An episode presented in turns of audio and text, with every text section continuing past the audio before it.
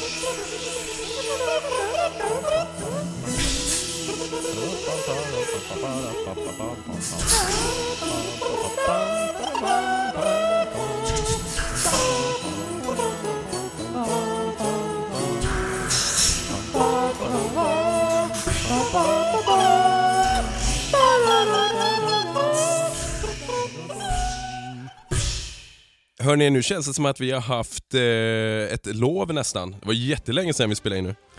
Det var en månad sedan. Två månader sedan. Ja, oktober va? Och hur kom det sig egentligen? Ja, men det vart full rulle va? För alla. Ja, det har det varit. Ja. Så var det väl lite det här High Chaparral eh, incidenten som eh, kom in och tog en plats för ett annat avsnitt så vi skjutit på lite grejer. Mm. Jo. Eh, Mm. vad tycker vi om det? Har, det? har det lugnat ner sig något eller? Jag vet inte, jag märker ingenting av det längre i alla fall. Nej. Oskar, har du märkt något eller? Mm, nej, inte så. Nej, det känns ju som att det la sig ganska... För en del i alla fall. Men många har, verkar ju helt ha... Jag ser folk som har gått ur grupperna och liksom klippt banden helt och hållet. Hur ser du det? Ja, men som har gått ut, eller som de skriver. Eh, jag får ju också meddelanden från folk ibland. Sen fick det li lite eh, luft under vingarna nu här igen när de släppte bokningarna. Var det säsongskortet va? Såg ni det? Mm, nej, det har jag Nej. missat. Ja men då kom det ju lite med kartan. De har ju Jaha. uppdaterat den, eller det, det, är- det är olika på den engelska kartan och den eh, svenska kartan. Mhm. På den svenska finns till exempel inte stövelmakaren med längre.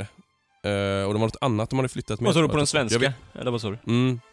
Ja, så frågan är om de håller på att uppdatera och inte lagt ut allt än bara. Eh, det är lite oklart. Mm. Men man får väl se helt enkelt. Eh, det lär väl komma en del nyheter eh, kring det där så småningom. Mm. Eh, så får man se vad det blir av det. Ja. Ja, dagens ämne Mm. handlar om en person med koppling till vilda västern. Och vem är det? Ja, eh, man brukar ju säga det att kärt barn har många namn va. Till Ja. exempel eh, Sean O'Fanna, eller John Finney, eller Finney. Finny eller Ofana, ja. Eller Sean. Ja, Eller John. Eller Jack. Ford. Eller Martin. Ja. Eller Martin. Så det är alltså legenden och den kanske mest stilbildande och viktigaste eh, regissören i westernfilmens historia, John Ford. Mm. Precis. Han har hört den här historien om Orson Welles. När han skulle eh, beskriva de tre mest betydelsefulla regissörerna i amerikansk film. Nej. Nej, då svarade han så här. Eh, jo, men det, då måste jag säga eh, den gamla mästaren John Ford.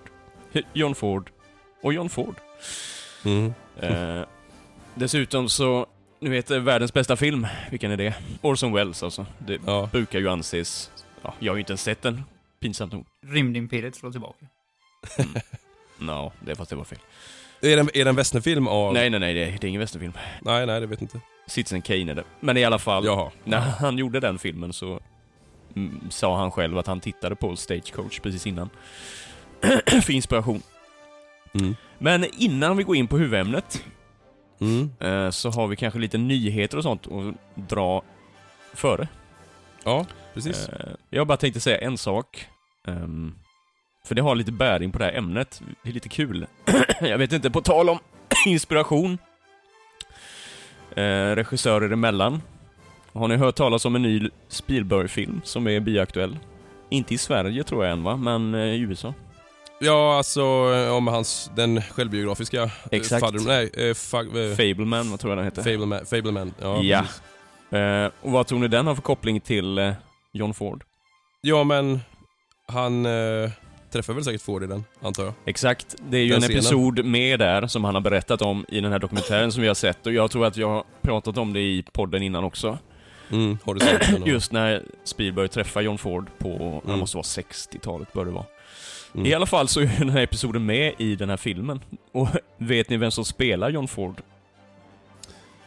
Eh, Patrick Ford, det var han? Nej. Nej. Det, här, det är en annan regissör kan jag säga. Och han är ganska lik utseendemässigt, det har jag inte tänkt på innan faktiskt, men... en eh, annan regissör. Inte väl- David Lynch eller? Jo, exakt.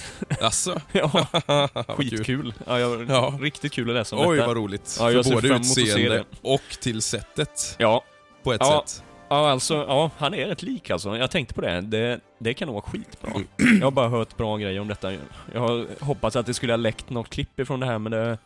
Eller någon bild eller någonting, men jag tror inte det har gjort det än. Nej, det lär kanske dröja. Men det måste vi kolla. Det måste vi ju eh, länka så fort det dyker upp på Youtube. Mm. Ja, det är lite kul. Oscar, Oscar, har du koll på... Du har inte sett så mycket med David Lynch va? Eh, pass. Typ Twin Peaks, gamla Dune, uh, Mulholland Drive och de här. Nej, jag tror Nej, inte nej. Elefantmannen. En helt en atypisk lynchfilm. Ja. Nej. Nej men han är lite rolig. Han är lite rolig, han är ju väldigt... eh, Ulf älskar ju David Lynch. Eh, det är en av hans favoritregissörer. Mm. Och det, det slog mig häromdagen när jag sa det till Simon att när jag ser en Lynch-film, eller en serie, typ nya Twin Peaks eller sådär, Mm. då måste man ju gå in i ett väldigt speciellt mode och vara medveten om att det är en David Lynch-film jag ser för att kunna uppskatta det fullt. Mm. För just de här, liksom, det vi pratade om, lite quirky, alltså humorn och det. Mm. Och det har slått mig att för att kunna uppskatta John Ford fullt ut, i alla fall för mig, så behöver jag verkligen gå in med samma approach att okej, det här är en John Ford-film Mm. och att jag ser likheter mellan David Lynch och John Ford liksom. Mm. För att kunna uppskatta storheten i det. Jag brukar ju säga, när vi sitter och spelar in eh, avsnitten så brukar jag sitta och googla grejer samtidigt. Ja, som jag inte riktigt kul. Ja. hänger med på. Mm. Eh, och nu hittade du faktiskt det här klippet från den här eh, filmen som du pratar om. Med David Lynch som eh, John. Ford. Skitkul. Vi, Ja, vi får väl måste- eh, länka den. Så att, Ja, absolut. Det är jättekul Ja. för att det är så jäkla, man har, jag har en så väldigt stark bild av den händelsen utifrån eh, Spielbergs berättelse. Berättelse ja. Ja, ja. det är så jäkla målande så man... Man känns som att man är med, nästan. ja. Ja, det är bra Oskar att du är high-tech och uh, uppkopplad. Precis. Ja, det är tur att vi har ungdomligt folk med på den. nej, nej, det är guld värt. Ehm, ja, absolut. Men in, innan vi går in då på stora, ska vi ta lite andra korta, ja lite Mm. egentligen framförallt film och tv-nyheter. Mm. Jag tänker att det kan vara lite lämpligt och kul så här i... Juletider. Ja, precis. Jag har fått lite meddelanden om vad, vad vi gör, eh, vad som händer för oss under jultid och sådär. Om Mm. vi har några planer eller vad, vad, vad som kommer härnäst. Och som jag sagt till många, jag sitter nu, det jag gör på fritiden nu i stort sett är, eh, jag läser böcker, eh, lyssnar på ljudböcker när jag ska sova eh, och kollar nyheter och läser på helt enkelt. På fack, facklitterärt. Eh, ett litet tips är nu i juletid då, om man vill ha en eh, liten julvästensaga. För den som eh, minns för två år sedan så recenserade vi ju en av, eh, ja, kanske den enda egentliga julvästernfilmen va? Eh, som av en händelse är en John Ford-rulle. Mm. Vilken tänker jag på då? Flykt genom öknen. Jajamän. Mm. Eh, som vi alla tyckte var väldigt bra va? Mm. Den här jag har lyssnat på nu, jag har inte läst den men den finns som en eh, läsbok också då. Det här är en kort egentligen novell av, nu ska jag se, jag tror han heter Ernst Haycock. Det är alltså han som har skrivit eh, den storyn som Stagecoach eh, baserar på. Den heter ju Mhm. typ The Stage 2, Mm, vad, just he- vad är det. de ska? Ludburg? Nej vad är de ska Eh, till? ja, Något sånt. Och det här heter Ja. då A, A Prairie eh, Yuletide. Mhm. Ganska trevlig historia, alltså väldigt så här, det handlar om en, en, en, en gubbe som eh, bor ute på vischan och han eh, har väl någon butik och, något och slag, lånat ut mycket pengar till folk och så blir det snöstorm. Mm. Han ska fira jul ensam och så bestämmer han sig för att, men vänta, nu är det många som har det svårt i den här tiden, kan inte jag ta med mig lite varor och åka ut med min eh, häst och vagn och dela ut klappar som jultomten. Eh, trevlig liten historia från 30 eller 40-talet då. Mm. Mm. Ernst Haycocks som sagt, Prairie Yuletide. Mm. Eh, I övrigt i filmväg då, så är det ju en eh, relativt känd skådis, älskad och hatad. Eh, väldigt speciell skådis, eh, Nicolas Cage, Ja, ja, ja. som Mm. har till slut halkat in lite på västernspåret. Ja, det är Eh, två filmer va, eller? Mm, precis. En har premiär i USA i januari som heter The Old Way. Mm. Eh, sen är det ju Butchers Crossing. Den tror jag hade premiär på festivaler och sånt redan i september i år. Finns inte att få tag på i Sverige än vad jag har sett. Nej. Butchers Crossing är ju alltså en gammal, eh, vad heter det, klassisk bok. Så Mhm. den är ju baserad på, eh, jag tror det är, om det är bison eller buffeljägare av något slag. Eh, om jag inte minns helt fel. Så det kan man hålla ögonen öppna för. Han, i alla fall den Butchers Crossing, jag tror att den har fått ganska svala eh, recensioner men att man, de tycker att han utmärker sig liksom. Jo, på positivt sätt eller? Eh, ja. Han spelar ju rätt märkliga roller ibland om man säger så. ja, och han har ju gjort så jävla mycket B-filmer de senaste åren. Mm. Han har ju, han har ju liksom spottat ur sig hur många filmer som helst. Mm. Eh, sen en annan intressant grej, det är att det är en film som fortsätter att filma i januari, som också varit på tapeten mycket under året. Vilken film kan jag tänka på då tror ni?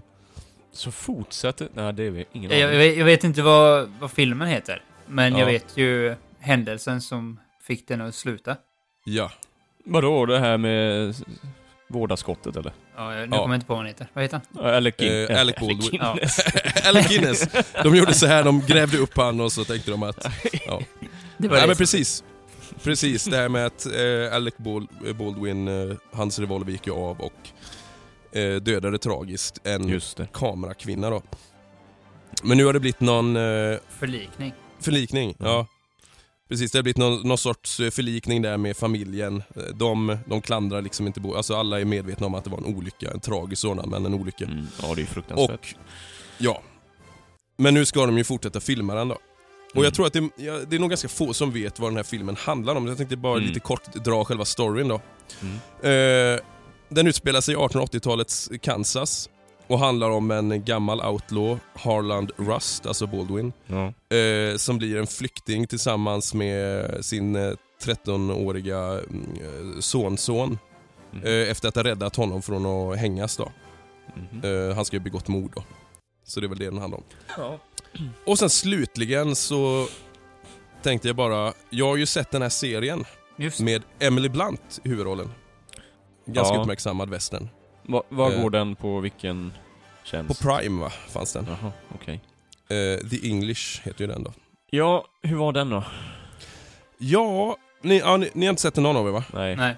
Den, eh, ganska speciell, väldigt snyggt gjord. Mm. Eh, annorlunda story också tycker jag. Lite John Ford-snygg. Ja, faktiskt. lite... Man märker det. Vissa av de här moderna, det är lite kul faktiskt. Som gör westernfilmer. Även Ja, om jo. filmerna ibland är skräp, så märks det tydligt att man har John Ford som... Mm. ehm, Ja, att det inte bara är Tan- eller vad säger jag, eh, Leone, utan nej, precis. Hur, hur man liksom gör en komposition Mm. av, alltså mer att man målar upp en tavla. Långa bilder liksom. och- Ja. Rätt bra skådespeleri också. Eh, ja, helt okej i alla fall. Mm. Så den kan jag väl rekommendera att kika på om inte annat. Om man är lite intresserad över julhelgen. Mm. Mm. Ha, inga mer? Eller? Nej. Nej. Då kör vi. Take one. Take one. There's more, than one take, Roy. Shoot. Mr. Ford, you made a picture called Three Bad Men, which was a large-scale western. You had a quite elaborate land rush in it. How did you shoot that? With a camera. Okej. Ska vi eh, börja och berätta lite om eh, hans uppväxt kanske? Eller hur han hamnade i Hollywood? Eh, Ja. Vi går in lite på honom som person. Mm. Och sen tittar vi lite på ja, filmerna egentligen. Vi kanske inte går in på specifika filmer direkt så. Det, ja, då, då är det ju i och för sig en film vi har tittat på med ju till avsnittet. Mm. Och den tar vi ju efter. Ja, Ja, det kan vi väl göra. Fast vi kanske kommer beröra den innan också, ja misstänker jag. visst. På ett eller annat sätt. Hans eh, påstådda favoritvästern, vilket är lite kul. Då. Mm, det är en av tre om han fick välja sina favoritfilmer som han ja, tycker är bäst på något sätt då. Ja. Som han lyckades förmedla någonting med. Mm. Lite oklart vad dock, men eh, Vi, vi kan ju också nämna här i början att Simon, du har ju haft ganska god koll på Ford länge.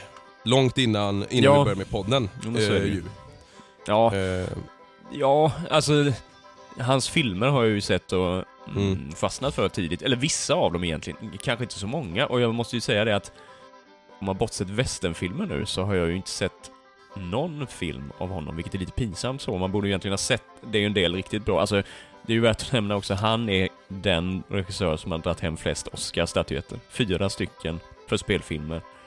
Och sen Och är det kanske två då för krigsdokumentärer med va? Battle of Midway och eh, vilken det är? Ja, den andra vet det tusan. Men... Eh, Nej. Men menar- hur många, hur, hur många Ford, om vi bara kollar, stämmer bara så att vi har lite koll på vad, vad vi har sett. Så här. Hur, hur många Ford-filmer har du sett, Simon? Oj, ja. Pass.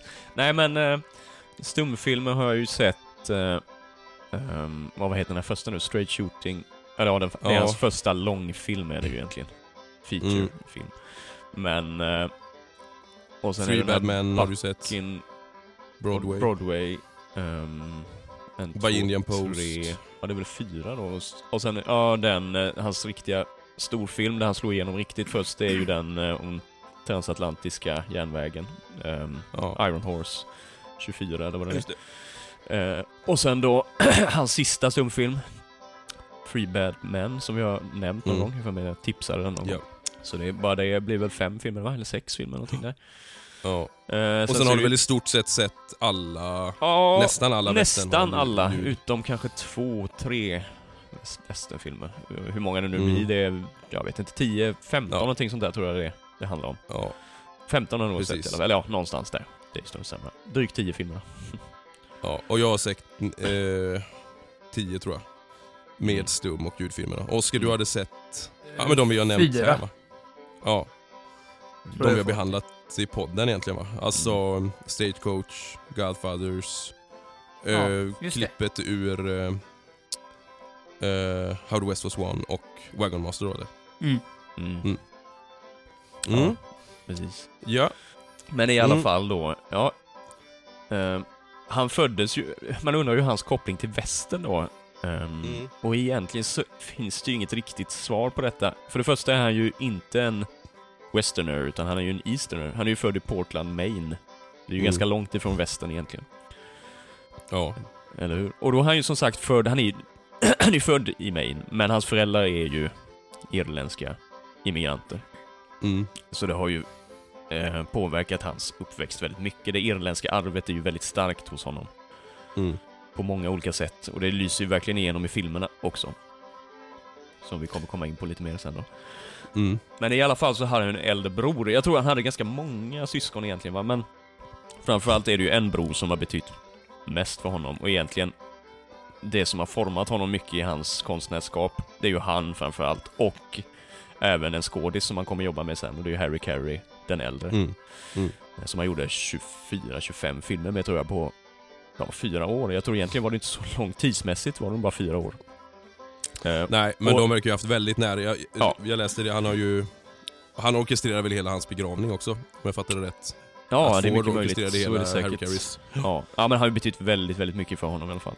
Och Mm. även för John Wayne sen då, eh, Harry Carey. Mm. Har ju inspirerat honom väldigt mycket. Och hans filmer, och det är ju en sån här känd hyllning till Harry Carey i slutscenen i Searches. Mm. Han har ju en Ja, speciell pose, ja. Och då, Mm. jag vet inte om ni känner till det, men eh, eh, vad heter det nu? De här svenska, skandinaviska familjen, de är väl svenska, ska jag föreställa i alla fall i den. Eh, om ni minns. ja. I, I Searchers? Ja, i Searches ja. Mamman i familjen är Ja. ju Harry Careys eh, fru. Och Harry Carey. Juniors mamma. Ja, okej. Eh, så Jaha. hon började ju gråta då såklart, när hon såg Mm. det här. Hon spelade in den här scenen. Väldigt fin hyllning. Mm. Men i alla fall... Var det inte en hyllning i Three Godfathers också med hästen? Jo, jo början? precis, det står, ja, precis, det står ju någonting där i texten va? Ehm, Ja. Någon Och fras. då, då, och då var det någonting, eftersom hans son är med där ju. Ja, precis. Så ha, Precis. eh, John Ford ville ju inte att han skulle vara med Den dagen. den dagen när Just de spelade in det. den. Ja, just det. Just Mm. det. Den scenen. Ja. Men i den, eh, Gunfathers nu, eller tänker du på Ja. Surface? Mm. Ja, I ja, det var okej. Gulfart. Mm. Just det. Men i alla fall, han är ju född, ja det är lite oklart vilket år han är född, men eh, jag antar att i folkbokföringen så står det 1894. Mm. Men på hans gravsten står det 95 och han har själv sagt vid tillfällen att han är född 95. Men ja, jag vet inte. Det är väl kanske inte superviktigt i och för sig. Då. Men på ett ungefär vilken generation han tillhör kan ju vara intressant att veta då. I förhållande Mm. till de här skådisarna som han sen kommer jobba med och han ses ju mycket som en faders, eller han blev ju en fadersfigur för många och kallades för Ja. Puppy utav eh, i alla Mm. fall John Wayne då och Ward Bond som han jobbade väldigt, väldigt mycket med. Eh, Men i alla fall då, hans äldre bror Francis Ford, som han egentligen Mm. inte heller... Jag är oklart vad han föddes med för namn, Francis. Ofini Ja, såklart men är det då inte? Francis och Ja, han kanske hette Francis från början. Sen blev det Frank. Ja, just det, så kanske det var. Men i alla fall, Mm. han åkte ju först, eller hamnade i Hollywood. Tror han spelade Mm. en del teater först, men sen blev han en ganska välrenommerad eh, regissör under en period. Och var ganska stor. Och i, början var det ju lite så här rivalitet mellan dem då såklart. De blev jämförd med sin äldre bror och så vidare. Mm. Men sen ungefär i takt med att John Ford själv eh, får chansen att regissera så avstannar ju hans karriär lite, den äldre bro, broderns. Mm. Eh, Medan antal får. Sen spelar han ju med många John Ford-filmer sen. Som blir ofta lite obskyra biroller. Men vet man, vet man vad hans bror tyckte om det? Hy- Hyste han något agg mot honom eller? Vet man det? Det är ingenting jag har läst någonting om egentligen. Jag, jag tror inte att de har något dåligt förhållande alls, utan snarare tvärtom. John Ford såg ju verkligen upp till honom väldigt mycket Mm. alltså. Men i alla fall då, han hamnade ju i Hollywood, det måste vara på 10-talet då, eller kanske var... Han är ju ganska mycket äldre, jag tror han är 12 år äldre, någonting sånt där. Mm. Så det är ganska stor åldersskillnad dem emellan.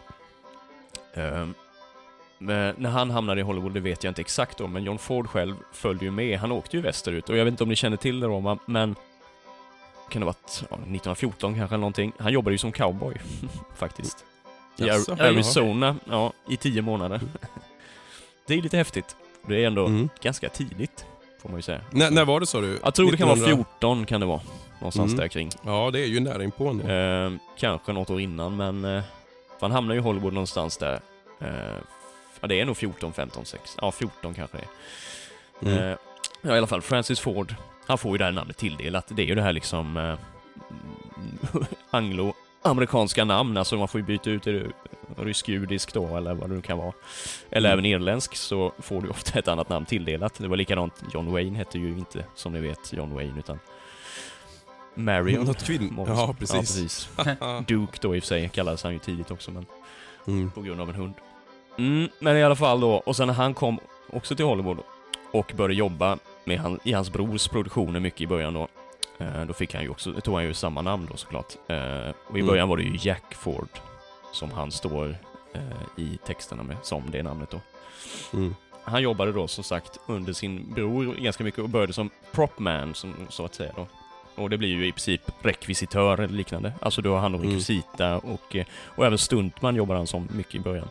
Kan ju säga att han var ju fotbollsspelare från början med. Han var ju ganska stor. Alltså det, det märker man kanske inte på äldre dagar när han är lite hopsjunken så, men han var ju ganska stor och kraftig. Mm. Eh, och det kommer ju komma tillbaka till det här då med ja, fotbollen sen när han träffar den stora stjärnan John Wayne då, innan han blev en stor stjärna. Han var ju också fotbollsspelare och även Just. Bond. Det är ju en Mm. episod, jag vet inte, nu har jag ju sett den, eller jag, Emil du har sett den i alla fall, dokumentären då som... Ja, eh, när han berättar om... eh, ja hur han träffades. eller- ja. Kommer du Mm. ihåg den episoden eller? Ja, de brott, han brottade ju ner honom eller någonting. Hur det var? Ja. Nej men det är ju så att de var ju, det var ju sån här scholarship då, vad heter det? Mm. Ja, Fotbollsstipendier. Ja, Eh, det var ju så de kom in på, åh herregud vad heter vad blir det? College blir det väl? college ja. Ja, precis. Både Ward Bond då, som är några år äldre än John Wayne, han är väl född 1903. John Wayne är väl född 7 va, tror jag. Oj, är de så nära ålder? Ja, Åh fan. så det var ju så, de spelade ju i samma fotbollslag där tror jag. Mhm. Och så blev ju de eh, eh, valda av Ford. De, de, som, vad heter det? Små roller i någon film och de, de står ju inte med i rollistan eller någonting va. Men det är ju mest för att de rent fysiskt, de, de är stora och de för sig väl och så vidare va. Mm. Eh, och i John Waynes fall så såg han väl ganska bra ut och tvärtom så var det sa han någon, vid något tillfälle att uh, Give me that one with the ugly face. Och då är det ju Ward Bond. Ward Bond. Stackarn. Stackarn. Men jag vet inte, så jävla ful är han inte. Men, men han ser väl lite speciell ut, gör kanske så. Eh, Men i alla fall då var det ju någon grej när han träffade John Ford första gången, John Wayne då. Mm. Eh, Så ja, du är fotbollsspelare. Får jag se dig, eller Let's see you get down. Och då går de ner på knä då va. Eh, Startposition. Och så slängde han fram tvålen. Så, Precis. det är därför han, John eh, Wayne går så jävla konstigt. Ja, ja. Exakt. Nej men i Mm. alla fall, så sparkar han ju ner, eh, sparkar bort hans eh, armar. Så att han eh, slår i huvudet i, i Just det. marken. Eller leran eller vad det är. Eh, Okej, du säger ja men låt mig få göra det en gång till. Okej, så går väl eh, John Ford bakom honom. Då snurrar han runt och gör någon sån vändspark på honom och sparkar han i bröstet så han ramlar ner. Ser lite paff ut. Eh, men jag tror att det gav intryck. Så han Mm. gillar ju hårda, hårda tag. Han gillar hårda tag. Ja, jo, jo. Mm. Det var mötet mellan Mm. dem i alla fall. Lite speciellt. Some people who I've spoken to about you said that you were a bit eccentric, but a very nice guy. A bit eccentric. Yes. How how do you see yourself? Do you You mean when I shave in the morning? I shudder with horror. A bit eccentric. I wouldn't know how to define it. I know what you mean by eccentric. How am I eccentric? In what way? Um, I don't know. This, one or two people have said what a what a great sense of humour you had, and that you were a great wit, and that you loved telling jokes, which I think we've we've seen e- great evidence of here this afternoon. Få tillbaka till John Ford. Nu blir det lite ja, hopp i tid här, men i alla fall. Han började ju som propman, så att säga, och eh, eh, stuntman. Bland annat så, om ni känner till en väldigt stor och känd regissör, eh, W. Griffith, kanske ni har hört talas om. Eh, Va, eller, ja, vad har han gjort? Birth of a Nation är han ju verkligen Mhm, känd för. ja, det här kanske vi har nämnt Mm. någon gång också såklart. Uh, Mm. Den är lite speciell i och med att uh, Ku Klux Klan-medlemmarna är egentligen hjältarna eller i film. Och. John Ford spelar just en av dessa klanmedlemmar. Eh, man ser ju inte honom då han har huva och eh, han står inte med i rollistan heller tror jag. och där tror jag att han skadar sig, jag för att han ramlar av och skadar sig ganska rejält också i den, eh, i någon scen där. Ja, lite kuriosa egentligen. Men det Mm. var lite sådana grejer. Han hade ju en del filmroller i början då, men som han, jag tror han har sagt vid något tillfälle att han, eh, han är ju egentligen ganska, han är inte jättetvålfager så. Och det var ju ganska viktigt, särskilt om man skulle få någon huvudroll i Hollywood, egentligen fram till 60-talet någon gång, när det ändrar sig lite då, va? när det är, som Jack Nicholson är ett sånt exempel. hade han varit lite äldre så hade han aldrig fått jobb, var det någon som sa till honom. Men han är ju snarare väldigt talangfull då. Så han har ju varit, varit med, det finns ju någon film där både Francis Ford och han är med eh, i samma film. Det finns säkert fler, men det finns ju någon som ligger på Youtube vet jag. Ehm, och- Men då är det de här stumfilmerna vi pratar om. Ja, ja, precis. Mm. Ja, ja. Han är ju aldrig med i någon... Ja, det vet jag inte i och för sig om han är med i någon talfilm. Eh, det är mer än vad jag känner till. Men han var ju Mm. med i en hel del stumfilmer så va. Mm. Men sen så blev det väl lite så. Han, successivt fick han mer att göra. Han fick, eh, blev assisterande regissör i tillfällen. Och vid något tillfälle var det ju någon som var regissör som var bakfull, tror jag. Då fick han hoppa in och regissera delar ja. va Mm. bland annat. Ehm, det var väl så han fick sin första chans att göra något riktigt ehm, så va. Och sen vid något tillfälle så, jag tror det var Universal Studios som han var, hade mest anknytning till, till en början i alla fall. Och jag vet inte om ni känner till Carl Lemley, kanske ni har hört talas om. Han ligger ju bakom många av de här, Mm. äh, som producent då va, på Universal. Ja, alltså ja. alla de här monsterfilmerna då, bland annat. Ja.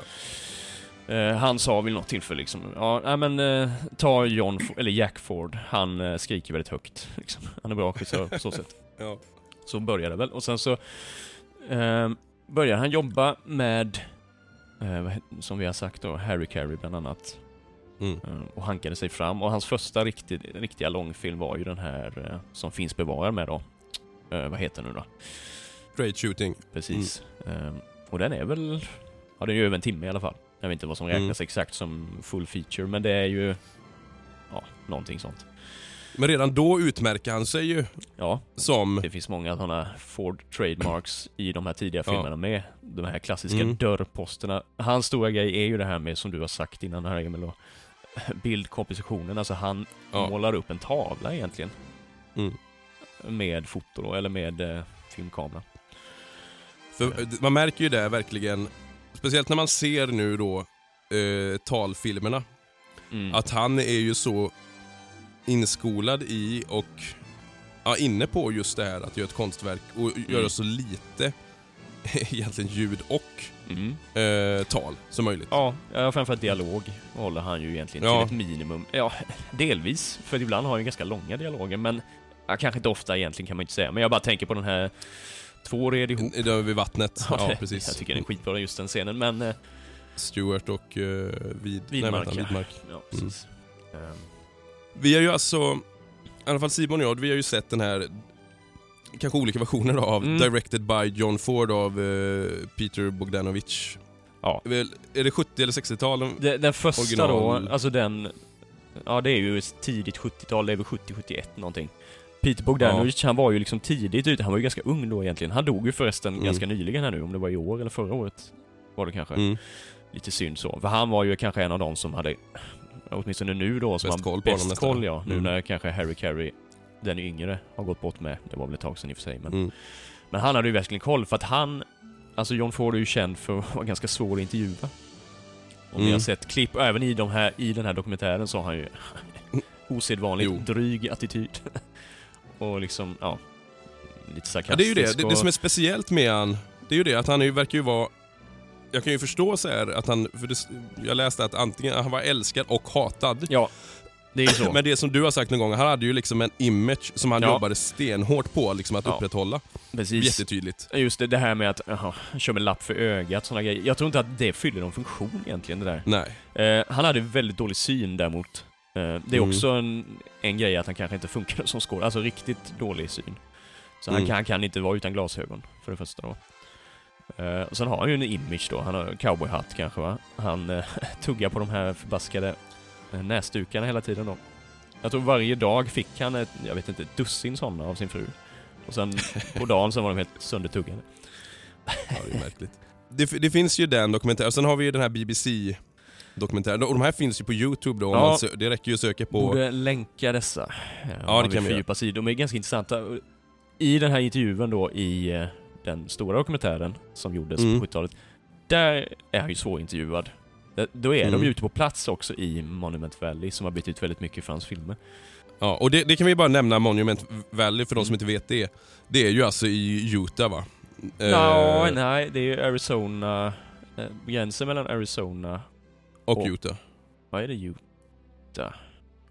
Ja, jag skulle säga att det är en dalgång i gränslandet mellan norra Arizona och södra Utah. Ja, det är det ändå ja. Precis. Ja. Ja. Exakt. Ja, vi rätt båda två, vad härligt. Jag tror att du har På koll Oskar. eh, Colorado-platån där. Ja men det är ju de här alltså, klipporna som är väldigt specifikt för... Eh, synonymt med västern. liksom. Ja, överhuvudtaget. Men det är det som Ja. de säger med det att att använda det blir som att plagiera honom på något sätt. Men det har ju blivit väldigt förknippat med västern. Ja, Ja, det är ju Just med det. liksom i Lucky Luke och allting. Det är... Ja. Mm. men det roliga är ju till exempel när de är i Texas då. Mm. Så är de i Monument, och det är ju väldigt o-Texas eh, Ja. egentligen, Ja, ja, man ja. tänker så. Det är det ju. Det är ju att det slår an en sträng hos honom, det här landskapet såklart. Men där kommer ju också en rolig grej tänker jag kring det där. Mm. För i hans filmer överlag Mm. så är det mycket, vissa delar känns som att det är så otroligt viktigt för honom att det är autentiskt. Jag tänker som det här med musiken, att det är Mm. tidsenlig musik ofta. Mm. Och då undrar man ju, för han verkar ju ha haft väldigt kontrollbehov i och med att musiken har ju varit väldigt liksom inne och petat. Ja. Men om man då kollar det här med garderob till exempel. Mm. Varför har man inte, det, det är lite intressant med just honom. Varför har man inte varit så noga med det? Det känns ju som att han skiter fullständigt i det så länge det blir en bra film. ja, det tror jag. Men det, Det rimmar ju illa med Delvis. det här behovet av Eh, autenticiteten. Mm. Ja, det är en bra fråga. Jag har tänkt lite på det innan. Sen i och för sig så är det nog lite olika, va? Jag vet inte om det är så helt uppåt skogen alltid, det här med kläderna. Kanske inte de äldre filmerna. Nej, Där är det väl bättre tänker jag, men jag tänker Searchers till exempel.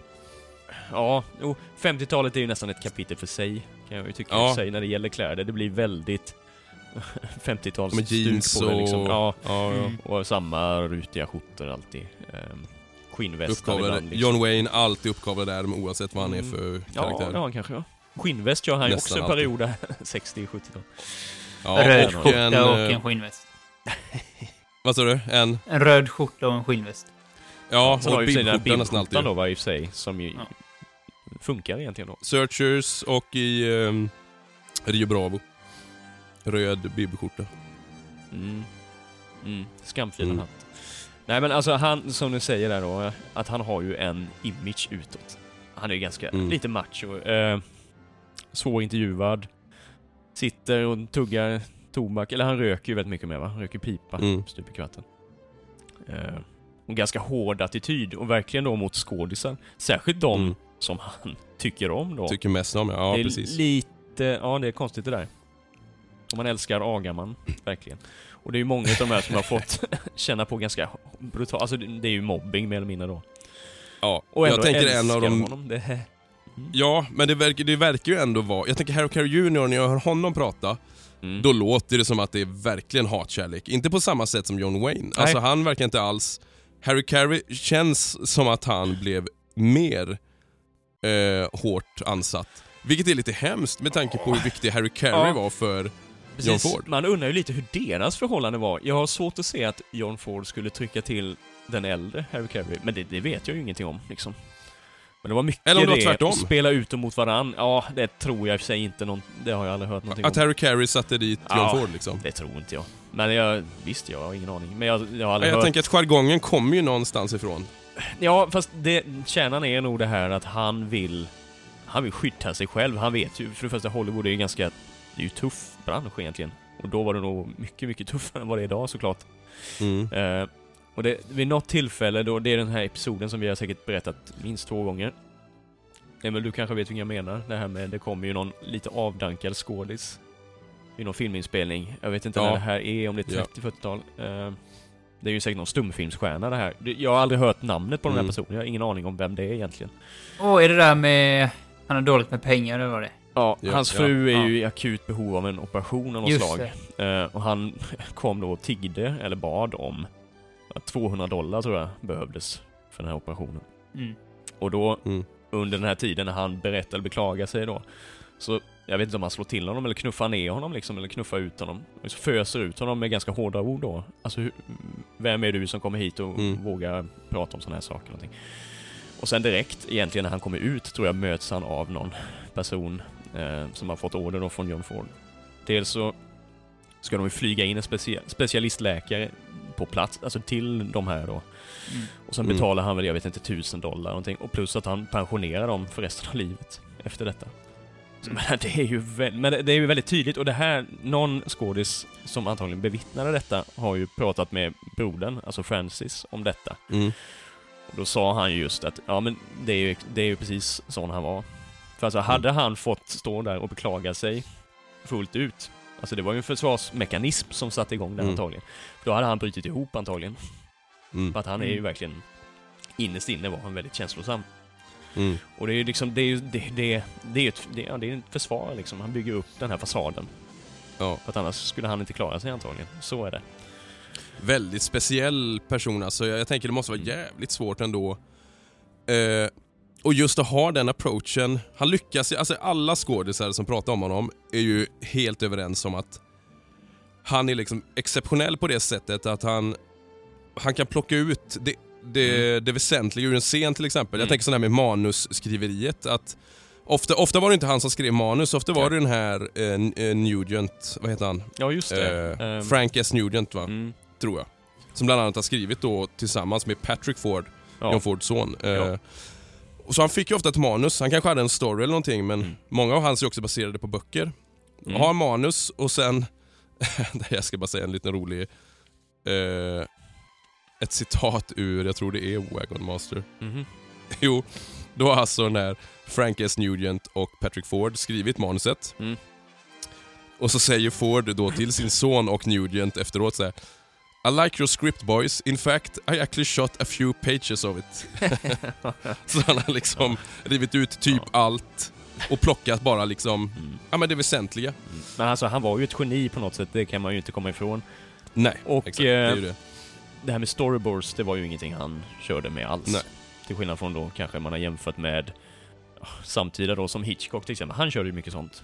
Storyboards liksom. Men han hade ju allting, alltså John Ford, i sitt huvud egentligen då. Visste ju precis Ja. hur han ville ha det. Och verkar samtidigt vilja vara lekfull och lek. Jag tänker Mm. när han pratar om det här med ehm, Henry Fonda. Eh, Fast det- som sagt, som Henry Fonda säger där då i My Darling Clementine, det här när han sitter på stolen och vickar. Mm, ja. Men det var ju Eh, en frågan är då, så- ja, och frågan är ju då som sagt som Henry Fonda sa, var det någonting han hittade på i stunden när han såg det? Eller det kan mycket väl varit så att det här är någonting han har tänkt ut länge, men bara kör där och då för att få en ärlig reaktion på det. Ja, så kan det nog vara. Och det är ju också det här då, han är också notorisk för att han vill ju ha få tagningar alltså. Han vill inte ta Ja. om 30 gånger, utan han, Nej. han tänker ju lenat att aktören då, eller skådisen är den är mer färsk liksom och på tårna första gången. Ja. För det är då det Ja. händer. Och jag kan ju Mm. köpa det till viss del ändå alltså. Sen är det ju skillnad om man jämför med andra, alltså mästerregissörer då som Stanley Kubrick är ju tvärtom. Där kan du ju hålla på tills Mm. du blir galen i princip. Ta om, ta om, ta om. Så det, det är ju typ Ja. olika metoder helt enkelt. Och båda har ju sina poänger. Kan jag ju... Ja, jag tänker i olika sammanhang mer. När de har mer Ja. dialog, som typ den här återigen med eh, Stewart och Widman. En sån scen, för den var väl också... Är det inte det? Nej, de kanske tog fler tagningar. Men det är ju en sån scen som jag inbillar mig är svårare. När du har ganska mycket dialog. Ja, herregud ja. Att köra den bara, ja men vi tar den på en tagning. Och sätta det. Mm. Eh, Men det, där, där kommer ju också in det här då, det, det berättar ju de båda två, både Widmark och Stewart. Eh, att det är ju också en, en metod han har som många i och för sig bevisligen tycker funkar då. För att det blir en dynamik på något sätt. Han spelar ju ut dem mot Mm. varann. Han trycker ju ner dem liksom. Mm. Och kanske försöker få dem osams mot varann också. Ja, han hade ju sagt Ja, någonting. jo, han sa ju det till, till Widmark sa han. Ja, passa dig för Stewart, han är jäkligt bra skådis liksom. Ja, Och på det, och tårna, och så tvärtom. sa han ju samma sak till den andra liksom. så, så båda var väldigt Ja. på tårna just i den scenen. Men just det här med John Wayne då, bland annat. Han var ju en riktig hackkyckling alltså. Ja, jag tänker det här med Andy Devine. Ja, Eh, jo, det var ju... Är ja, det stagecoach? Nej? Mm, jo. Det var ju en rolig grej att, ja precis, det var ju det första exemplet på det här då som han, John Wayne berättar i alla fall. För det är ju hans första break som skådis i den filmen ju. Det är Mm. också en historia som vi säkert har dragit förut ju, att han, eh, han jobbade ju med honom redan på 20-talet alltså, 28 kanske någonstans där. Mm, mm. När han gjorde Mother McRae tror jag det är den här filmen när han, eh, ja, när han sparkar ner honom när han är, ja, fotbolls... När han tar in honom som Mm, mm. skådis första gången. Men eh, sen så är det ju så, sen får han ju det här erbjudandet av Raoul Walsh, som är en annan känd regissör då. Ja. I eh, den här filmen som jag också har tipsat om tror jag, ehm, Big Trail. Från 1930. Det gillade inte John Ford. Eh, för han tänkte ju själv att ah, han var inte riktigt redo att jag ska göra det till en stjärna någon gång då. Hade han tänkt. Mm. Sen så, men sen så fick han ju kalla handen där. Han vägrade ju jobba med honom. De blev ovänner ett tag där. Eller var det mest John Ford som inte ville ta Mm. emot honom igen då. Så han ju hamnade ju i B-filmsträsket på 30-talet. Eh, sen fick han ju chansen i, Stagecoach. ja, precis. Och i alla fall under den inspelningen så fick han ju vid något tillfälle, ja vill du kolla, vill du titta på det material som vi har spelat in nu hittills? John Wayne alltså. Fick han ju titta på det och, och han tyckte det såg jättebra ut liksom, fotot var fantastiskt och allt vad det var. Sen frå- frågade ju John Ford honom efter, ja vad tyckte du nu då? Jo men det är, så sa han ju det, ja, men det är ju jättebra, jätte, det ser fantastiskt ut och så vidare då. Och hur, hur, hur, så, hur verkar du i filmen liksom? Porträtteras du bra eller kommer du fram bra och sådär? Och så, ja nej men det är ju, ja det är ju jättebra. och så frågar han, an, ansatte honom med frågor på fråga på fråga liksom. Men det, är det inte någonting liksom som, jag vet inte, som inte är helt perfekt eller något sånt där. Och så till slut så sa han väl då, i och med att han har varit sån propboy då själv, alltså rekvisitör, Mm. John Wayne, så tänkte han väl någonting på tyglarna där när, när de körde. Det, så, det såg ryckigt och konstigt ut på något sätt, när de skulle gjort på Mm. något annat sätt. Det är ju han, Oscar Andy Devine, det är ju han den tjocke. Ja, den tjocke, precis Ja. kusken där. Eller han som, ja, precis. Mm. Ehm, och då sa han, ja, okej, nu bryter vi. Och sen kallar han ihop alla i filmgänget där liksom. Ja, okej. Vår stjärna här har sett lite klipp här och han tycker att han ser fantastisk ut i den här filmen. Men han kan inte tåla Andy Devines framträdande eller något. Nej. Fan. Men då, han kände ju Andy Devine, eh, John Wayne, så att han, de Jo. visste väl att, Men att det inte var det är ju likadant med James Stewart då, för han hade ju gjort, nu ska se, Liberty Valance är väl från 60, vad sa vi? Nej, 62 va? 62 ja. Eller 61. Och då har han gjort, då är det Two Road Together han har gjort innan va? Ja, han har ju inte gjort jättemånga filmer egentligen med Nej, Stewart. det är ju Eh, det. Men För det- han är väl inte med i sekvensen i How the West Was Won va? Kan han ju inte vara. Men Jag Ja. kommer inte ihåg vem Stewart ens är i den. Ja, han är väl död va? Ja. Men eh, ja, jag vet han är ju inte med rent fysiskt. Nej men för då, då sa ju då sa ju John Wayne, så här, han frågade ju honom liksom. Varför han aldrig... om han har fått någon Nej. braskning eller så han bara nej, nej jag har inte fått något sånt än. Och han bara nej. Och sen, då var det ju nästan likadan händelse. Ja. Att eh, Ford under, då frågar han ju Stewart om, är det någonting du... Och då är det väl han va? Är det inte Valens eller någon? Nej, det är, nej, det är Woody Strode är det ju. Det är det här som är roligt. Alltså Ja, han som är Så är det ja. afroamerikan då, eller svart. Eh, Ja, mm. eh, jo men vad är det nu då? Jo, han säger ju att eh, Ja, men ser han inte ut som Uncle Remus eller någonting sånt där med hans Ja, utstyrsel då eller någonting sånt där? Och det är ju en sån här stereotyp då va? Mm. Och då är det exakt samma grej. Då kallar han, okej, ja, stopp. det här var ju värre egentligen. Då drog han ihop alla i hela filmteamet där. Så, ja, eh, vår, vår stjärna, eller vad han nu sa då, eh, Stewart här. Jag vet inte, han har svårt för Woody Strode. Jag vet liksom inte om han är rasist eller om han har, har svårt för negrer eller vad det är. Någonting sånt där. Ja, det är sen, så va? sjukt. Och då, han skämdes ju ihjäl liksom, eh, Stewart. Han sa ju det, han ville ju sjunka Ja. ner genom golvet eller någonting. Det var... Och så kommer John Wayne fram till Ja, honom jo och ja, men då gav han mm, just i, sån där blinkning så. Mm. ja, välkommen till... Ja, med eh, klubben, just det. Nu, nu är du en i Stockholm, eller något sånt där. så Jo men det, ja. I'm glad you made it eller någonting sånt där. Ja, precis. Ja, precis. Han är ju skadeglädje antagligen. det visste jag. Ja, det är lite roligt. The second day on the picture, they there's uh, quite a big scene going on in which I have one line toward the end of the scene. In the meantime, to keep me busy in the background, he has me uh, washing my face and drying it. And he'd say, "Cut." All right. He'd look over at me and say, "Let's do it again." And I, you know, now I become conscious that he's uh, certainly paying a lot of attention to me with that scene going on over there. So finally I did, and he says, Cut! Duke, you're dabbing your face. Can't you wash? And I said, I am washing. I'm doing this. What what more can I do? I'm using the towel hard like that. What more can I? Finally, all the crew, all the uh, actors, the cast was completely on my side.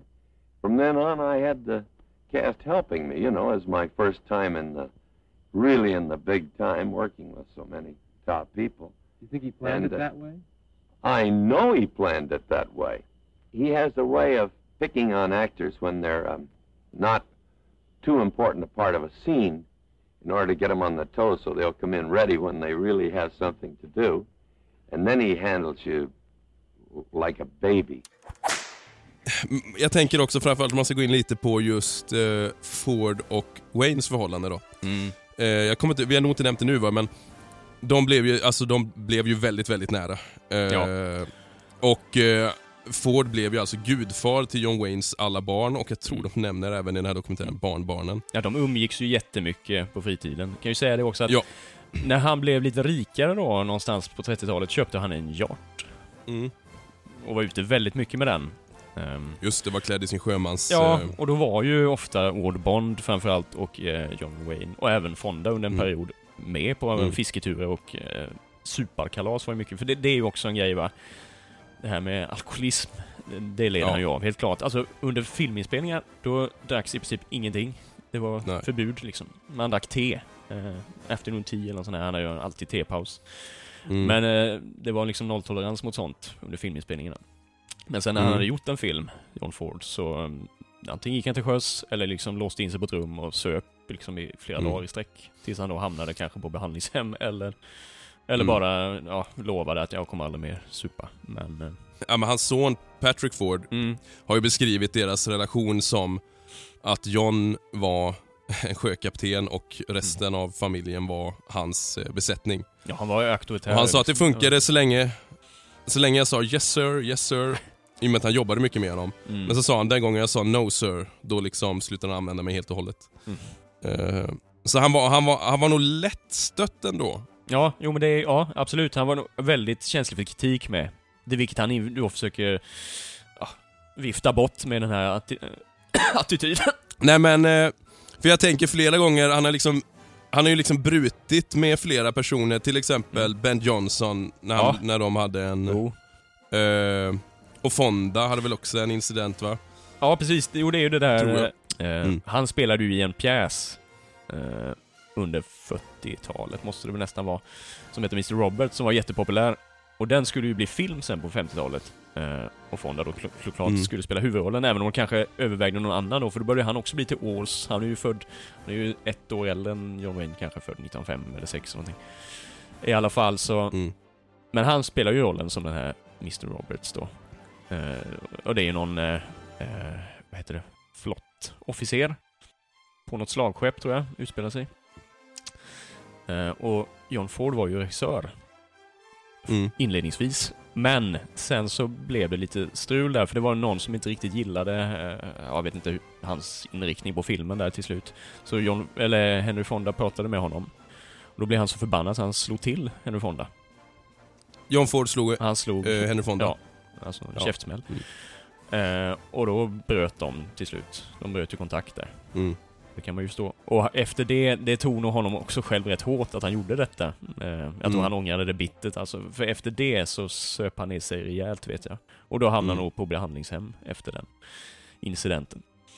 Och det var ju likadant Ben Johnson ju. Alltså, ja, det, det hade inte jag hört innan, men det, ja, precis. Jag tror det var efter, vad sa vi nu, Rio Grande, är det den som är från 50? Man, och kan bara nämna Ben. Johnson för de som inte vet, är ju att han, han var ju jättekänd. Han började ju egentligen som eh, stuntman.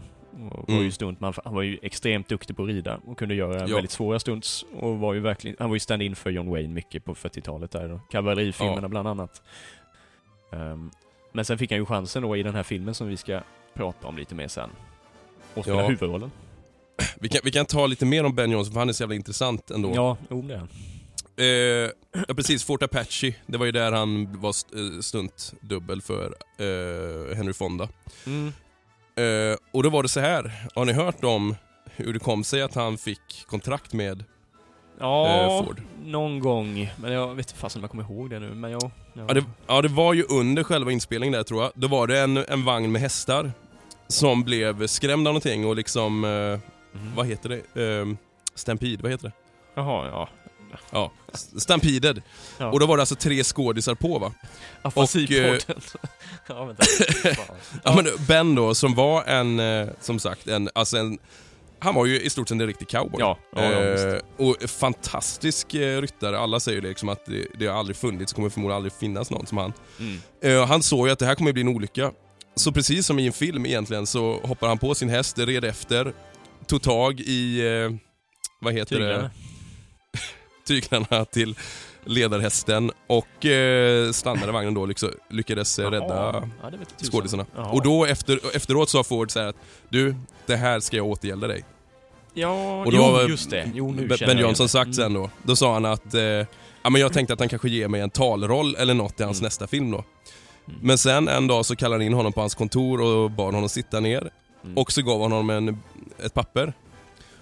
Och eh, då stod det, han läste bara till tredje raden då det stod att han skulle få eh, 5000 dollar i veckan. Mm. Eh, och fick jobb i sju år då. Mm. Eh, Sju år? så, eh, jag bara svårt nej, att... sju filmer. ja, sju filmer jag menar det för det kan ju inte stämma då om det här som du sa sen att de blev osams. Nej. Där. Nej, sju, eh, sju filmer Mm. måste det vara. Mm. Mm. Nej, så de blev ju ovänner då där sen och sen jobbade han inte, för han var ju med i de flesta, han var ju i Fords så kallade Stock Company. Och det kan man också nämna, Ja. han har ju ett par skådisar som han gärna använder. Mm. Som gör lite att hans filmer ju faktiskt, som många har sagt, egentligen ska man inte se filmerna enskilt utan man ska se dem som en del av ett stort verk på Mm. ett sätt. Mm. Det blir väldigt familjärt liksom med, med de här skådisarna. Ja, och att han liksom egentligen berättar just olika varianter av eh, amerikansk historia Mm. i stort sett. Mm. Eh, och det är mycket, tycker jag, jag vet inte vad ni säger, men de filmer jag har sett i alla fall. Mm. Jag kan tänka mig att det har med hans irländska arv att göra, just det här att han fokuserar ofta på outcasten liksom. Mm. Stagecoach, Mm. Wagon Master, eh, ja, kanske inte Search, men Godfathers till exempel. Ja. Sådana liksom, Ja, ja. Eh, Ja, vad ska man säga, utbölingar på något sätt, eller sådana som inte tillhör samhället. Mm. Och som man kanske ofta har, ehm, vad heter det, förutfattade meningar om. Mm. Jo, Det jo, känns lyfter lite som hans grej fram. liksom. Ja, ja, visst. Men i hans Stock Company, vilka har vi där då? Ja, Ward Bond kommer jag ju tänka på direkt, för han är ju verkligen... Eh... Sen är det ju John Wayne såklart. Sen är det ju en del, ja, Maureen, Marine O'Hara är ju med. Ehm, Ja. Harry Carey Jr. ja, det- Hank Warden, eh, de är med i olika utsträckning då såklart va. Woody Strode på slutet. Widmark också på slutet. Det tillkommer ju och Fonda till viss del, Fonda alltså Zack också till, ja, Stewart och- snarare i början och sen försvinner ju han då. På grund av Och han vi, och han vi nämnde, alltså afroamerikanen. Woody eh, Strode. Ja. Mm. Men det, det är lite kul för man känner igen dem eh, i, i sina olika liksom... Mm. Jag vet inte, det är väl ingen egentligen som är typecastad? Jo, det är väl möjligtvis eh, Hank... Eh, Andy Divine skulle jag nog säga. Ganska ja, i och för sig. snarlik som den tjocka, lite roliga gubben. Han får alltid spela tjock rolig kille. Ja. Han får aldrig vara någon smal eller tråkig. Nej, precis. Mm.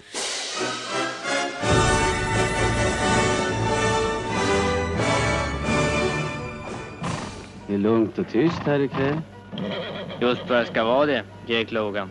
Ta ditt gäng och stick va. Jag vill inte ha något bråk här ikväll. En grej som han trackade John Wayne för mycket. Vad tror ni Mm. det är? Det var ju en, en specifik företeelse då, en, någonting som han egentligen aldrig gjorde, som han ångrade också att han inte gjorde. John Wayne alltså. Det var ju att han inte gick med alltså, i kriget under andra världskriget. Mhm. Han hade ju planer på det liksom sådär, men det blev aldrig av och sen så... Men det, det var ju en grej som han kanske själv ångrade i efterhand att han aldrig... För jag menar, Stewart var ju, blev ju krigshjälte. Det var ju många skådisar. eh, Clark Gable till exempel. Alltså, Mm. det var ju jättemånga som var med i kriget faktiskt. Och Ford själv. Mm. Han, eh, han Ja. har ju också någon, han är lite svag för det militära, det är ju någon grej som går igen ganska Mm. mycket i hans filmer, även särskilt de här kavallerifilmerna då. Men han trivdes verkligen i flottan, han var ju faktiskt eh, jobbade ju inom underrättelsen faktiskt innan, eller ja, i samband med kriget faktiskt. Mm. Så han var ute med sin båt bland annat och mer eller mindre spionerade. Jag tror han var med i det här, det som kallas OSS tror jag det heter. Ja, precis. Eller någonting sånt. Och det är väl egentligen ja, föregånget till CIA på något sätt. Eh, och jag för, det, Många tror liksom, ah, okej, han var ute med båten lite grann, men det var nog ganska viktiga underrättelser, bland annat, som han samlade in där i vissa fall. ja, Har jag läst säkert. någonstans. Alltså, så att, och sen så blev han ju då... eh, jag tror han slutade som kommendörkapten, eller commander i alla fall, eh, i aktiv tjänst. Sen så blev han någon rear Mm. admiral i, eh, vad heter det, som reserv, tror jag, senare. Ja. Men det var han väldigt stolt över detta i alla fall.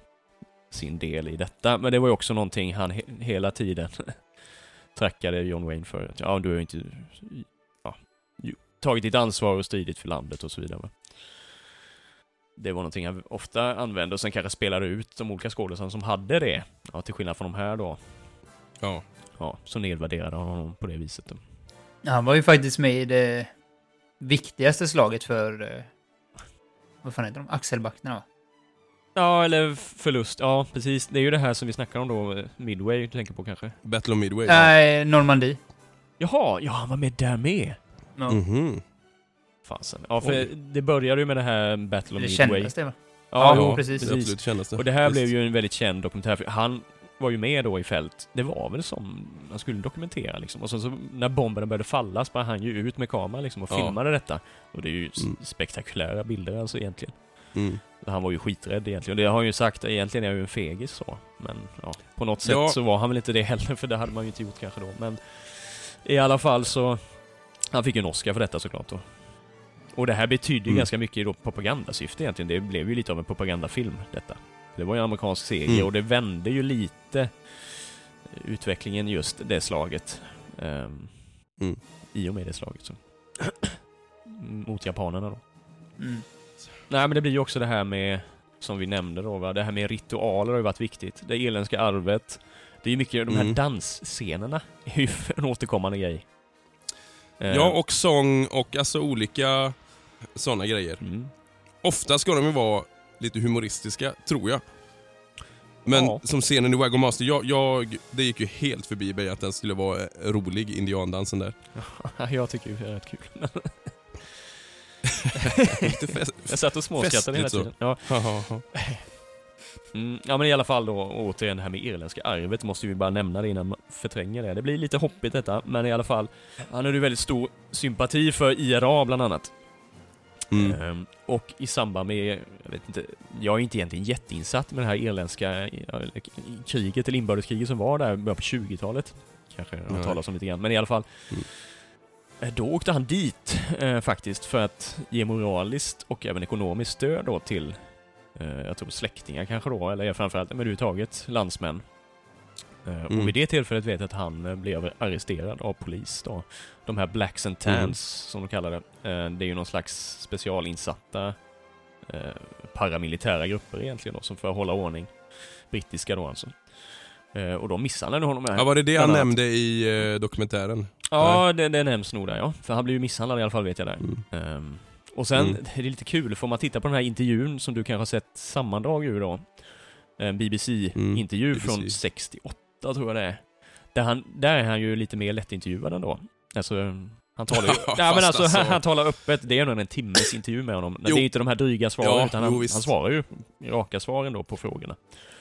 Ja, till slut i alla fall. Jo, Jävligt jo, lustigt tillvägagångssätt, men- men ja. I alla fall då så frågar de ju honom, eh, den brittiska reportern då, hur han ser på eh, folkmord, eller egentligen på, på hur amerikanska befolkningen har behandlat eh, indianerna. Mm. Och då, även om vi vet nu i efterhand så att han eh, tyckte ju såklart att det var fel på alla sätt och vis och försökte ju kanske då, han gjorde ju till och med film, den sista filmen han gjorde, vad heter den nu, Emil du som... Apache eh, Nej, men Autumn va? Cheyenne Autumn. Autumn. Och ja, precis. Eh, där de egentligen får spela huvudrollen mer eller mindre då va? Och får ju Mm. lite, ja. Men i alla fall, då tar han lite illa vid sig där när han får den frågan. Han vill liksom inte svara. Mm. Han viftar ju bort det lite grann. Det är inte så att han säger att det inte ägt rum. Men jag menar, han säger ju det, ja men folkmorden, ja tyskarna, ryssarna, alla har ju sysslat med folkmord liksom. Och sen vänder han på frågan liksom, hur ser du på the blacks and tans och hur de hanterade det, irländarna? Hur de Mm. förtryckte irländarna då, på det sättet. Och det, då är det han som är journalist och han kan ju inte svara på det. Liksom, han vet ju inte knappt vad det är, för han är ju så ung liksom. Nej. Så han, Eh, men han är lite, li- nästan lite passivt aggressiv i den uh, intervjun. Det hettar till lite något för flera tillfällen där känner man. något. Ja. Jag tänker det här när han säger att han är excent, alltså för det är ju det som Mm. är, han är jävligt lurig, han typ ifrågasätter ju ja, varje fråga. Mm. Sen svarar han ju. Mm. Till exempel det här med, som du säger när, när han kall... Intervjuaren frågar ju, det här med mod. Så precis som du sa, liksom, att det handlar mycket om mod i dina filmer. Mm. Ja, våld. Och så svarar han först precis. typ på ett sätt. Mm. Ja, det kommer också en grej. Ja. Mm.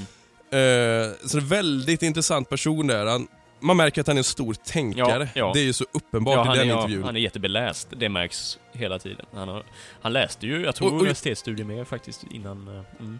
Och där kommer också det här, jag tänker, jag menar, ett så talande för hur han jobbar med dialog sen. Att Mm. han liksom bara, vänta nu, vad är det du säger och varför säger du det så?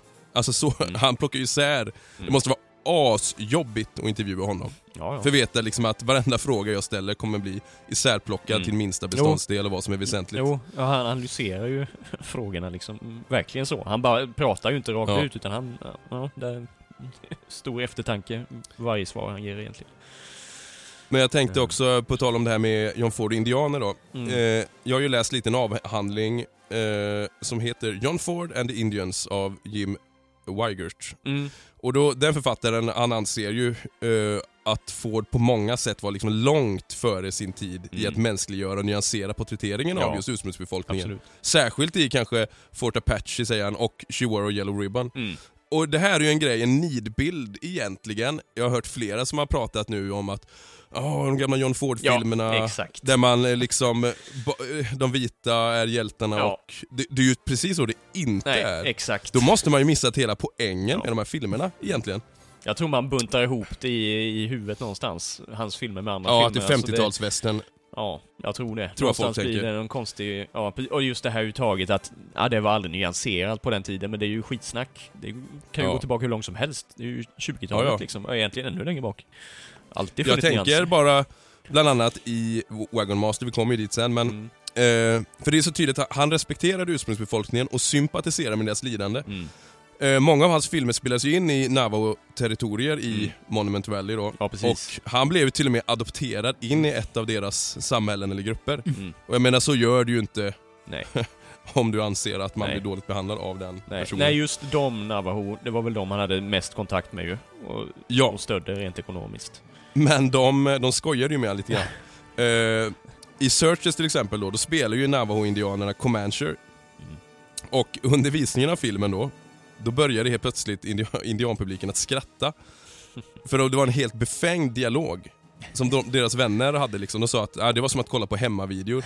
Alla satt och skrattade och ropade namnen på dem de såg uppe på duken liksom. Eh, så de sa det att det här var som den roligaste komedin vi någonsin sett. Det hade varit kul att ha dem som någon subtitle där, eller undertext och se exakt vad de sa. Jag tänker att det är som en Maverick, du vet. ja, just det. Exakt så. Det måste ju typ vara därifrån, tänker jag. Har du sett Maverick, Oscar? Nej. Oj, ja, Oj, kul. den måste du se. Den är ju riktigt rolig. Ja. Min favoritvästernkomedi.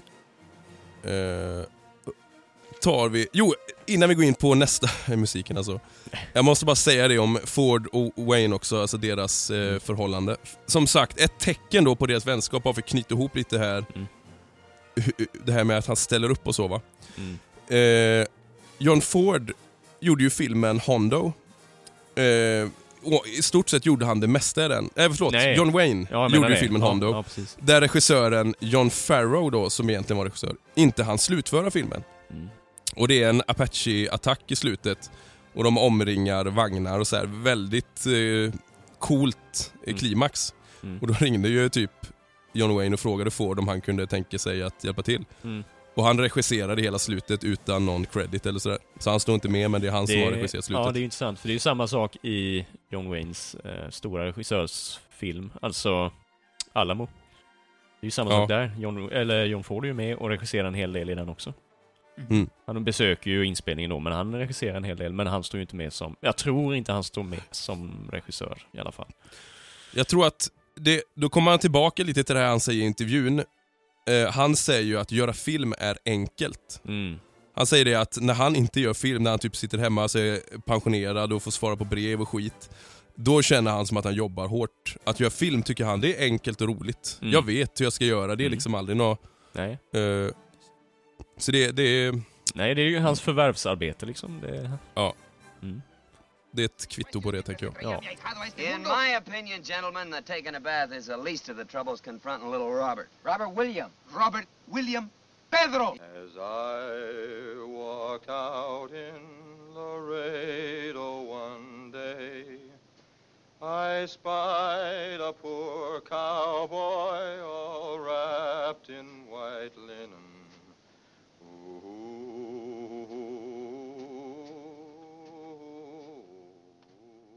Musiken i eh, John Fords filmer är ju speciellt på många sätt. Eh, jag tänkte bara börja med att säga två citat som är lite roliga då. Mm. För dels har han sagt det här till Peter Bogdanovich. Generally, I hate music in pictures. A little bit now and then and at the end or at the start. Mm. Eh, för det verkar som att han har tyckt, enligt, jag har ju läst en bok då som heter, eller en, vad ska jag säga, en liten avhandling som heter How the West was eh, sung Mm. av eh, Catherine eh, Kaldenak.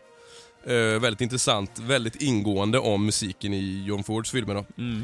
Eh, och då verkar det som att han eh, ofta liksom ville ha musik som, som fanns in-world så att säga. Mm. Alltså ska det vara musik i filmen ska det vara att det spelar salon, salonspiano eller att någon sjunger det. Mm. Eh, Just det. Samtidigt då Fast han har ju han ju... teman också. Ja, för samtidigt säger han I've always used a great deal of music in my pictures, although I don't have a good ear.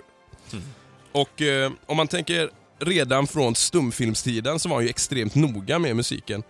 Mm. Eh, alltså vad som skulle spelas i salongerna då. Mm. Vad som skulle cuas när och vilka känslor som skulle föreställas och förstärkas. Mm.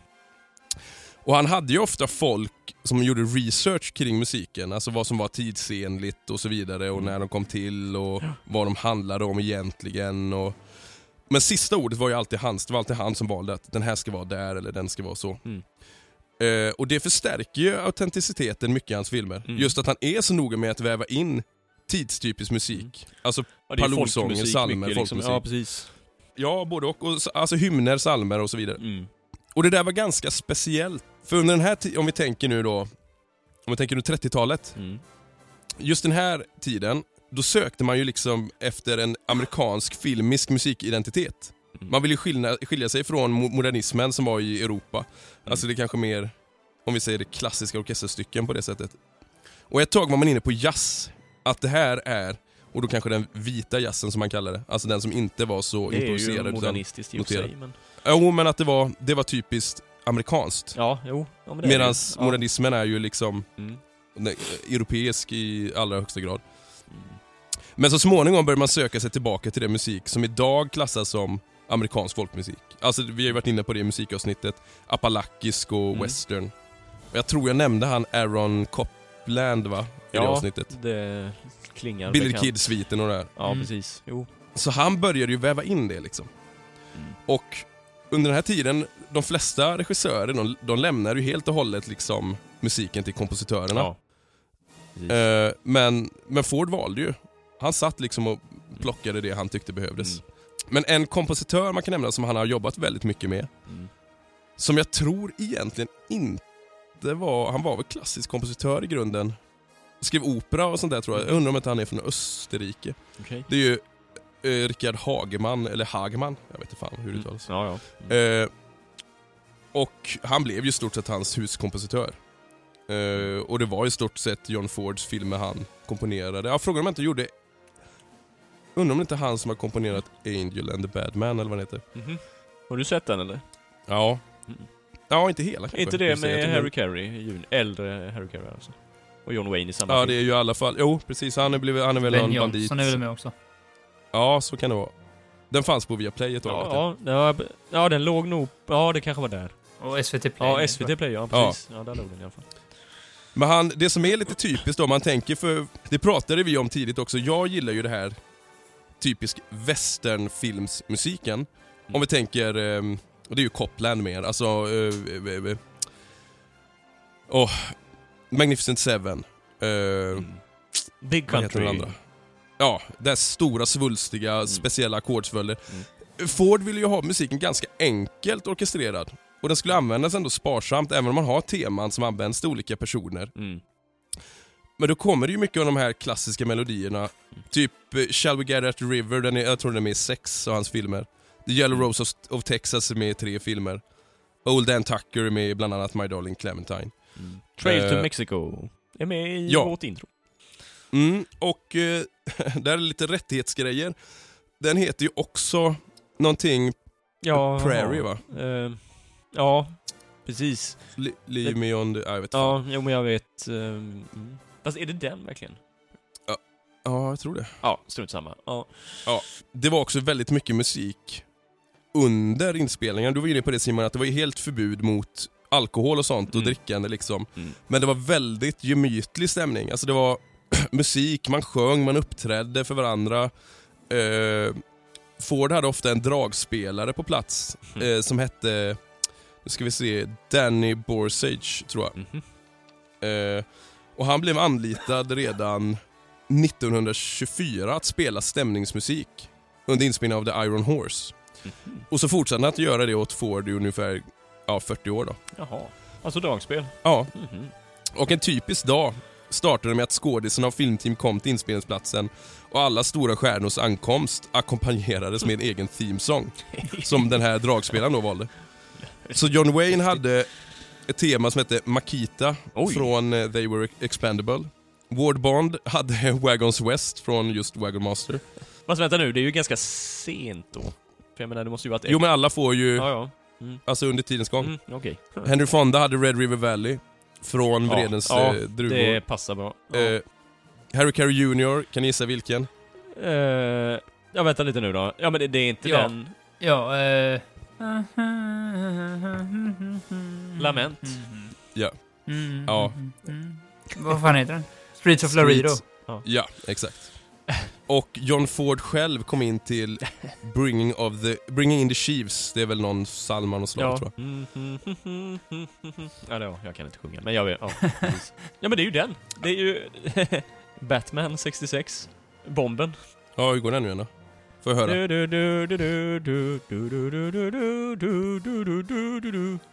Den är det. ja. Kan vi köra den som intro sen? vi har det som intro från och med nu. Ja, nej, men jag vet vilken du menar. Ja. Harry Carey Jr då i alla fall, han hade ett klart minne av musiken i Fords filminspelning. Han har sagt så här. Eh, There was a very special feeling on every John Ford set. It was the feeling that something great was happening, a feeling of reverence. It wasn't a feeling of reverence for John Ford, it was a feeling of reverence for art. Hmm. It was like being in church. Maybe the music had something to do with it. Mm.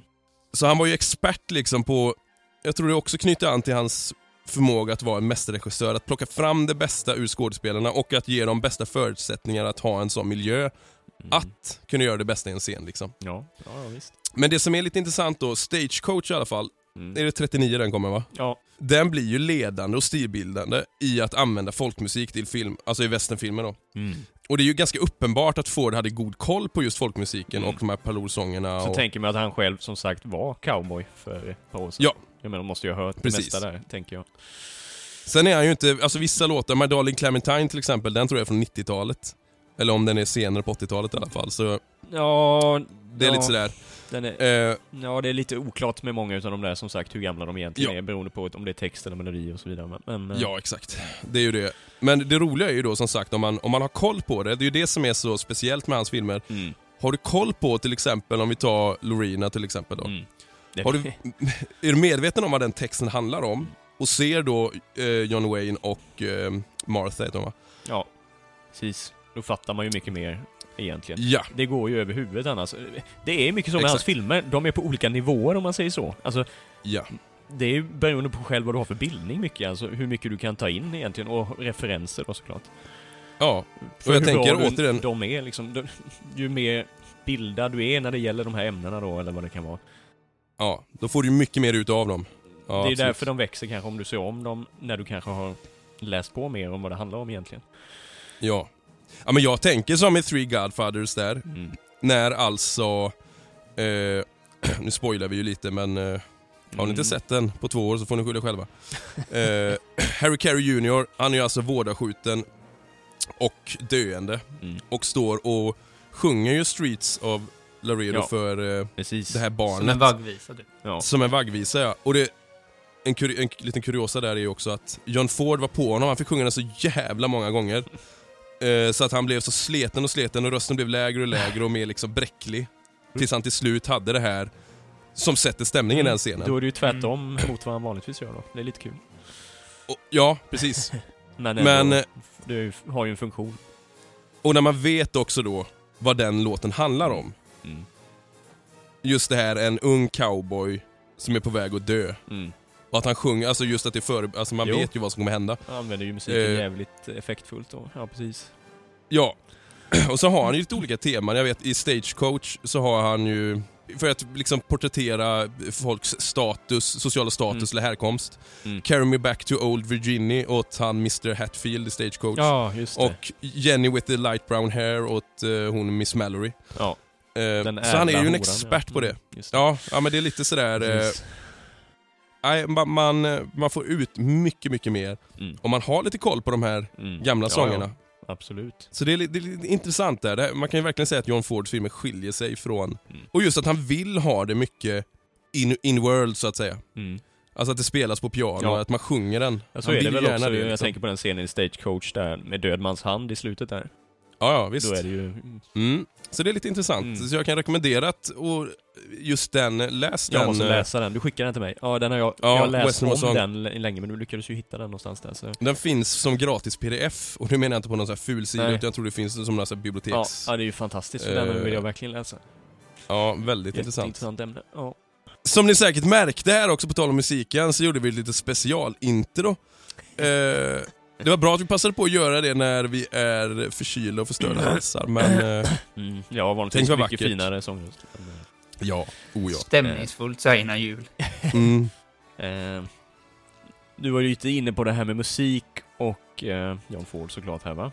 Men just det här med att på den tiden eh, så var det ju mycket så att regissören var ju regisserade ju bara. Men jag menar, han har ändå fått alltså, forma sina filmer väldigt mycket i förhållande, Ja. eller om man jämför med andra regissörer då, där kanske producenten hade väldigt mycket att säga till om egentligen då.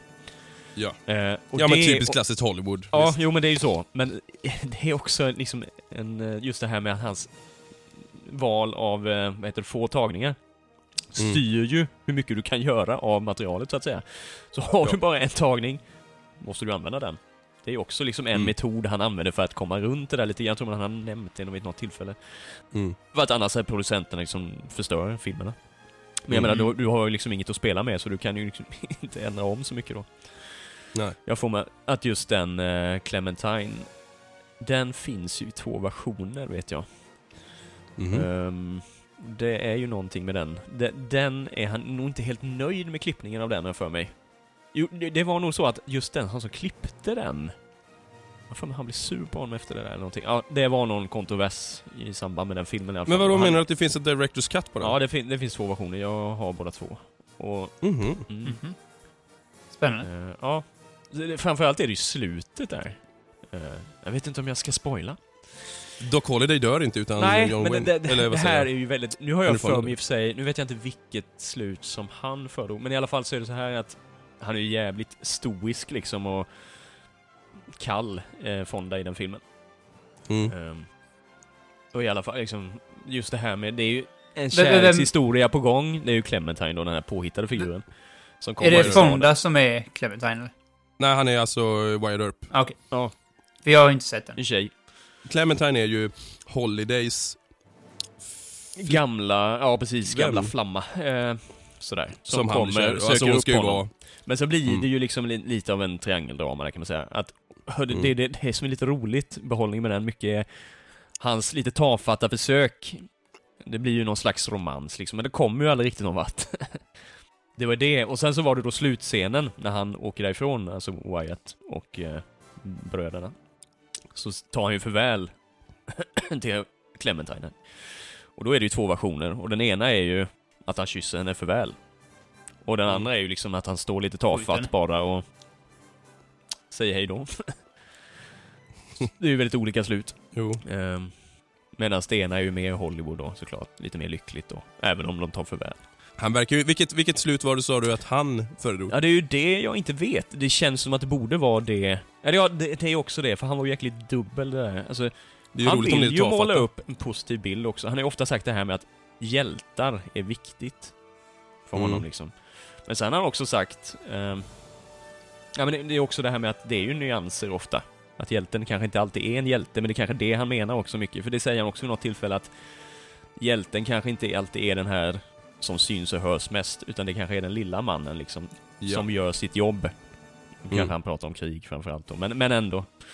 Mm. Eh, ofta är det kanske vissa då som får bli, eller utmålade som hjältar, men i verkligheten så kanske det är den lilla mannen som gör liksom sin del. Det, det, det tycker jag framkommer ganska tydligt i Wagon Master.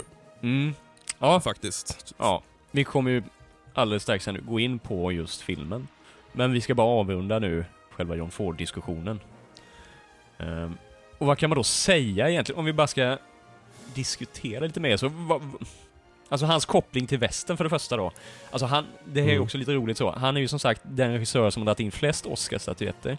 Varav ingen är för en västernfilm. Vilket i Mm. vissa fall är konstigt. Alltså, jag hör ju till den skadan, och det är ju ganska många som tycker att kanske Searchers borde ha fått en för bästa regissör.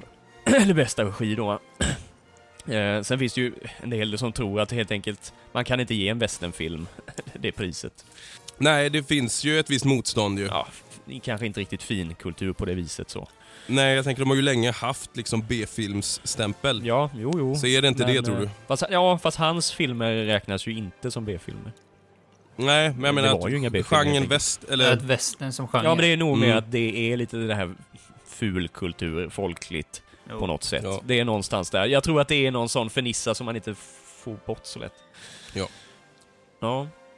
Har ni ändrat er syn på... Alltså Simon, du har ju haft... Det känns som att du har ju gillat Ford länge. Mm. Men det, det var nog Ändå. först, alltså, det var ju filmerna då, vissa av filmerna. Det var kanske Stagecoach, det var Searchers. Men sen så blev det, det var nog nästan i samband med när vi startade podden ändå. För jag vet att jag säger nog det, eller precis innan, samma år är det nog i alla fall. Så såg Mm. jag ju den här dokumentären, bland annat. Ehm, kan vara så att det var med, eller det var någon dokumentär som var med på extra material på någon skiva eller någonting, jag vet inte. Men, men efter det så blev jag ju mer och mer fascinerad över honom. Det var väl den dokumentären mycket. Mm. som var en ögonöppnare. Liksom. För jag har kanske inte riktigt heller förstått storheten, men, men jag menar, ju mer man läser på, det är ju, han är ju en remarkabel person alltså. Ja, och jag tänker... Alltså Stagecoach tycker jag är otroligt snyggt gjord. Det är en bra story i grund och botten. Mm. Eh, och det är en sån film tror jag framförallt som skulle växt nästa gång jag ser den. Mm. Eh, tror inte jag var riktigt redo för den då. Men Godfathers till exempel, den tyckte jag också var kanonbra Mm, direkt. Mm. Eh, Searchers ser jag om nu nästan för tredje gången. Mm.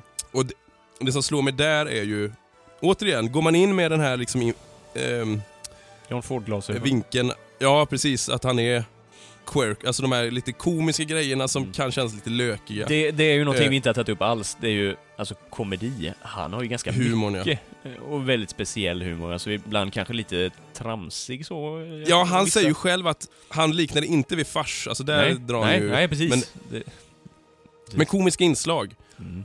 Och som John Wayne nämner, alltså det kan vara en liten nyanserad grej bara för att kanske ta udden av en scen. Mm. Som det här i uh, She Wore a Yellow Ribbon när John Waynes karaktär får eh, den här klockan va? Ja. Och liksom Ja. smyger ta på sig glasögonen Ja. och det här. Men det, återigen, där vill jag göra en liknelse med David Lynch lite grann. Mm. Även om David Lynch kanske tar det sju resor värre, de här märkliga sakerna. Jo.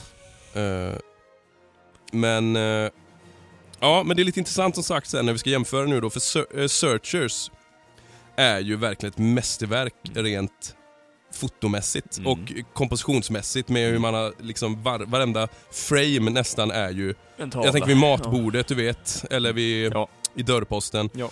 Eh, det är det som blir så intressant då nu när vi kommer till Wagon Master, som han själv anser är den västen som mest var nära att uppnå det han ville uppnå. Mm. Och det, ja precis, och det säger han ju mot slutet med, vilket är intressant. Så Ja. det är ingenting han sa tidigt och sen eh, ändrade sig och gjorde svårare filmer så att säga sen. Nej. Eh, men det, är också så, det är ju väldigt speciella förutsättningar. Alltså, den kom 1950 och då hade han ju precis gjort de här två första kavallerifilmerna. Mm. Eh, med Fonda och John Wayne framförallt i båda. Eller Fonda Mm. är inte med i den andra då, men... Men John Wayne är ju mer eller mindre samma karaktär, även om han ja, heter andra saker i filmerna, har jag för mig där. De, Mm. de hänger ihop, men ändå inte liksom. Det är ju lite sådär. Men i alla fall, eh, sen pratade han ju med Harry Carey bland annat då inför, ja, jag har ett nytt projekt på gång, eh, eh, vill du vara med? Och då ställde han sig frågande, eller med dig och Ben eller någonting tror jag han säger. Okej, men, men ska Duke vara med, säger han då. Va? Vill du att han ska vara med, eller vill du inte göra det här? Någonting sånt. Han blir lite förnärmad nästan då. Men de blir ju så Mm. för paffa att han inte tänkte ha med någon storstjärna i rollen här nu, utan han lät Ja. ju egentligen, Ben Johnson är ju kanske huvudrollen då va, såklart. Eh, och Harry Carey får ju egentligen spela biroll igen, som han alltid får. Ja. Ja visst, han har ju... Visst, de delar väl på det lite grann.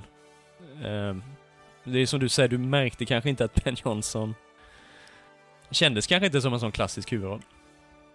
Nej. Ja.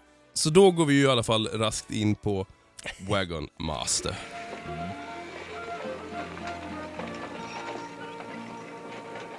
I left my gal in old Virginia. Alien hind the wagon train. Another I left in old Missouri. Alien hind the wagon train. Well, Sandy, I'll meet you at the river. Looks like we got a job. Yes, sir.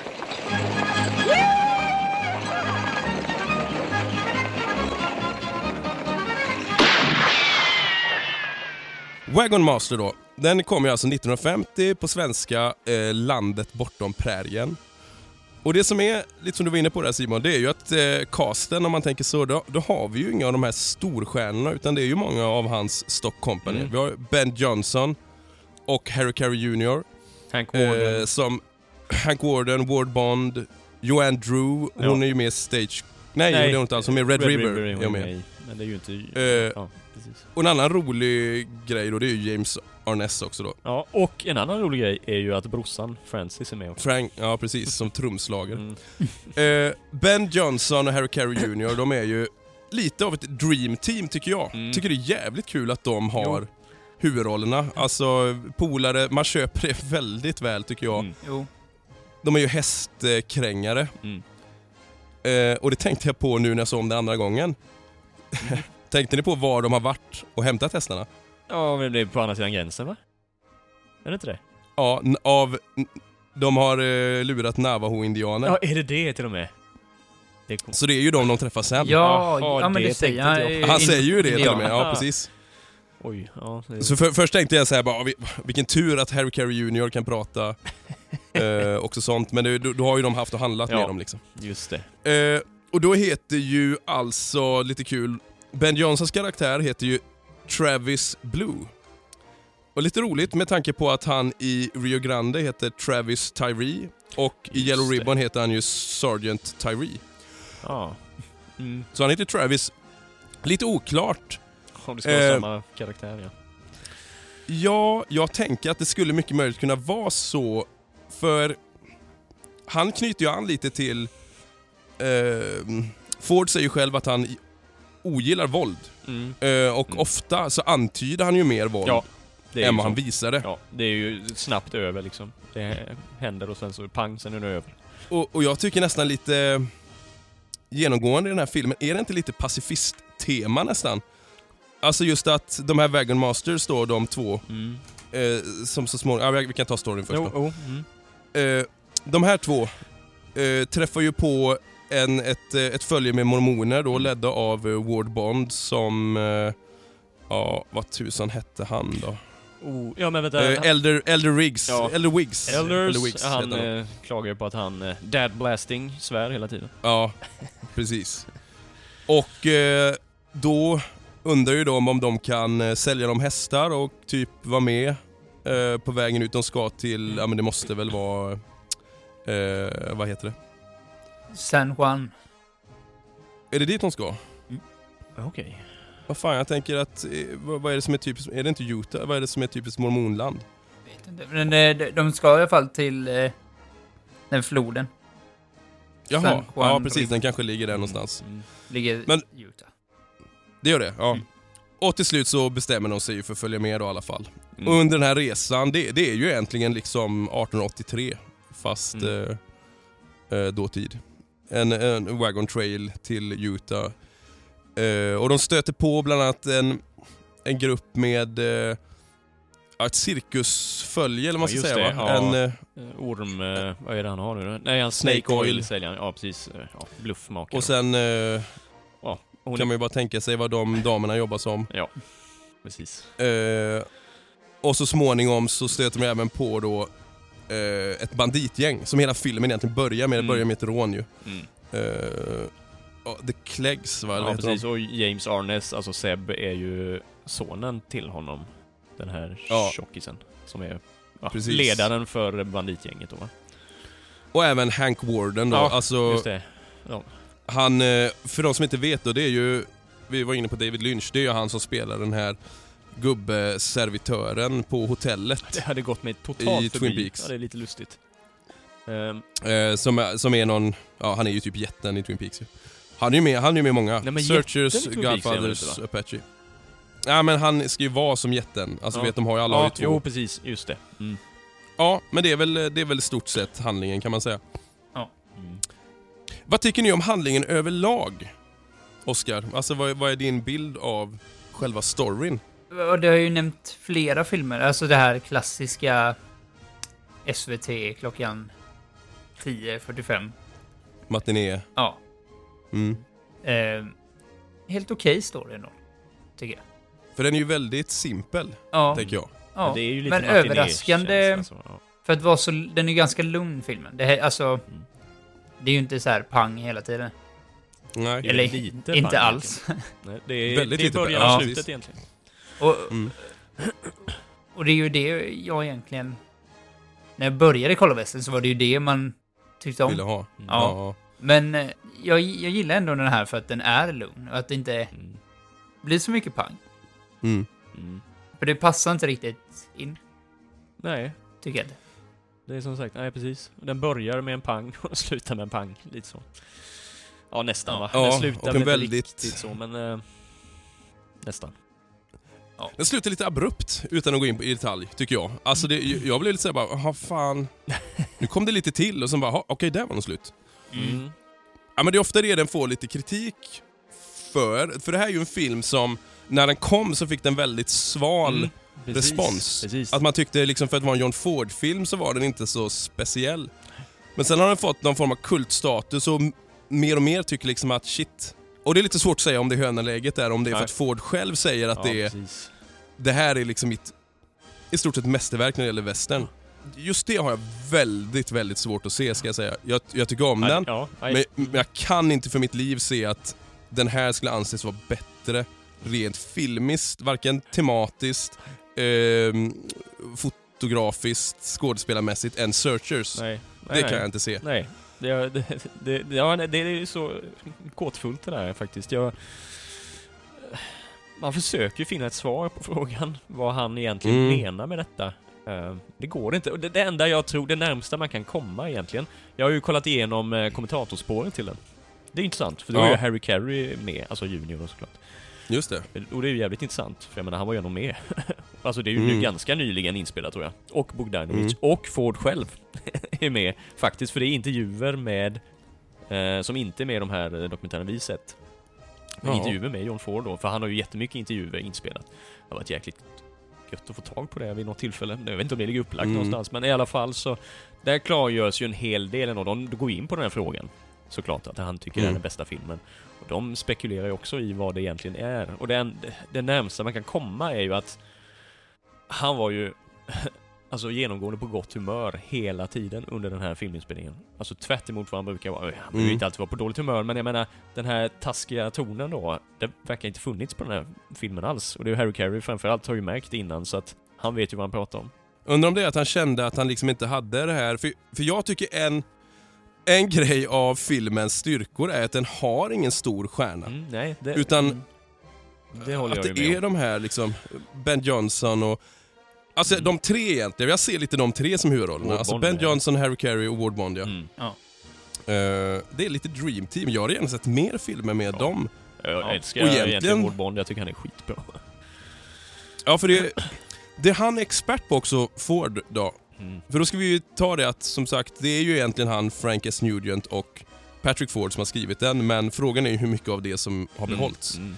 Jag tänker, för det här är ju inte baserat på någon bok.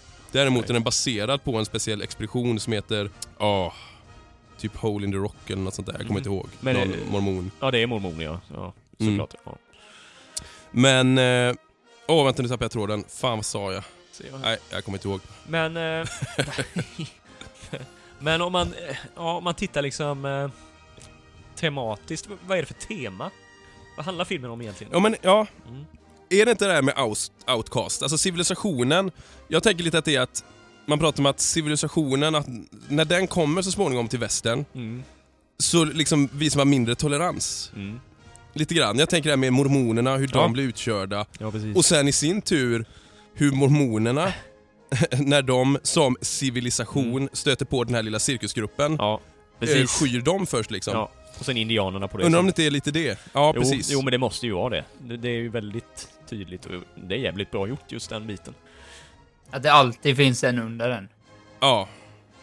Det går ju säkert många förbi, jag tror det. Det är likadant det här Ja. som när jag...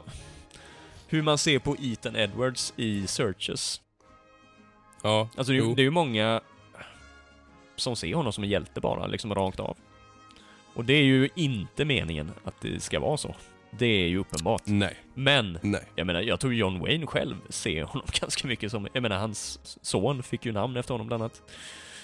Eh, Ja. sen, så, sen är han ju det delvis också, hur man nu ser på det va. Men... Eh, Medan många ser honom ju som den stora skurken i princip. Men det är ju det som också är intressant med den här, för jag, jag tycker att det som, är, det som kännetecknar lite så här Ford-karaktärer, det är att de ofta är gråa. Mm. Ja. Ja, ja. Men här är det ju inte så. I den här filmen är ju karaktärerna väldigt svartvita skulle jag säga. Ja. Jag menar Bon Ford, Ben Johnson, Ben Johnson och Harry Carey Jr är ju, eh, no pun intended, så vita man bara kan bli. Ja, förutom det där med häst... Hästarna då. Jo, ja precis. Så jag menar, det är ju ändå Eh, någonstans... Men i stort sett så är det ju väldigt så, och likadant Cleggs, jag menar de är ju rövhuvuden allihop liksom. Ja, jo, de är ju väldigt svarta om man säger så. Och här har man ju också en grej då, bara för att knyta an lite till det här med eh, eh, indiansynen. För den här filmen, har ju verkligen en stor poäng i att man visar Navajo-indianerna som vänliga. Mm. Och att banditerna då, Cleggs, är bovar i och med den här, det förekommer en våldtäktsscen Ja, då. det. Eh, det är lite intressant också, alla de här Navajo-indianerna är ju eh, Navajo på riktigt. Mm. Förutom en, och det är den tjejen. Mm. Hon är mexikanska och heter Movita Castaneda. Vet ni vem hon var gift med? Nej. Lite kul. Det är Marlon Brandos andra fru. Ah, ja, där har vi ju genast en intressant koppling då om man tänker gudfadern Oscar och vad heter Ja. hon nu? Feathers. Heter hon? Little Feathers, eller? Ja, ja, ja, precis. Exakt. Det handlar ju om just det. Oj, ja det var ju intressant. Ja, eh, jag har hittat lite roliga sådana grejer. Ja, ja, det var... Men en, en annan grej som i den här då också är lite speciellt, det är att då har ju Ford hittills använt ehm, folkmusik, orkesterverk framförallt i sina filmer. Mm. Här svänger han ju lite och gör som andra västernfilmer på 50-talet, man kör så att säga contemporary music. Men du, jag bara, det slog mig nu. Vilken är den första filmen som använder det? För det här är ju Eh, från det vet jag 50 inte. alltså. Och jag, Ja, det här är nog en av de första. Ja. Det skulle kunna vara.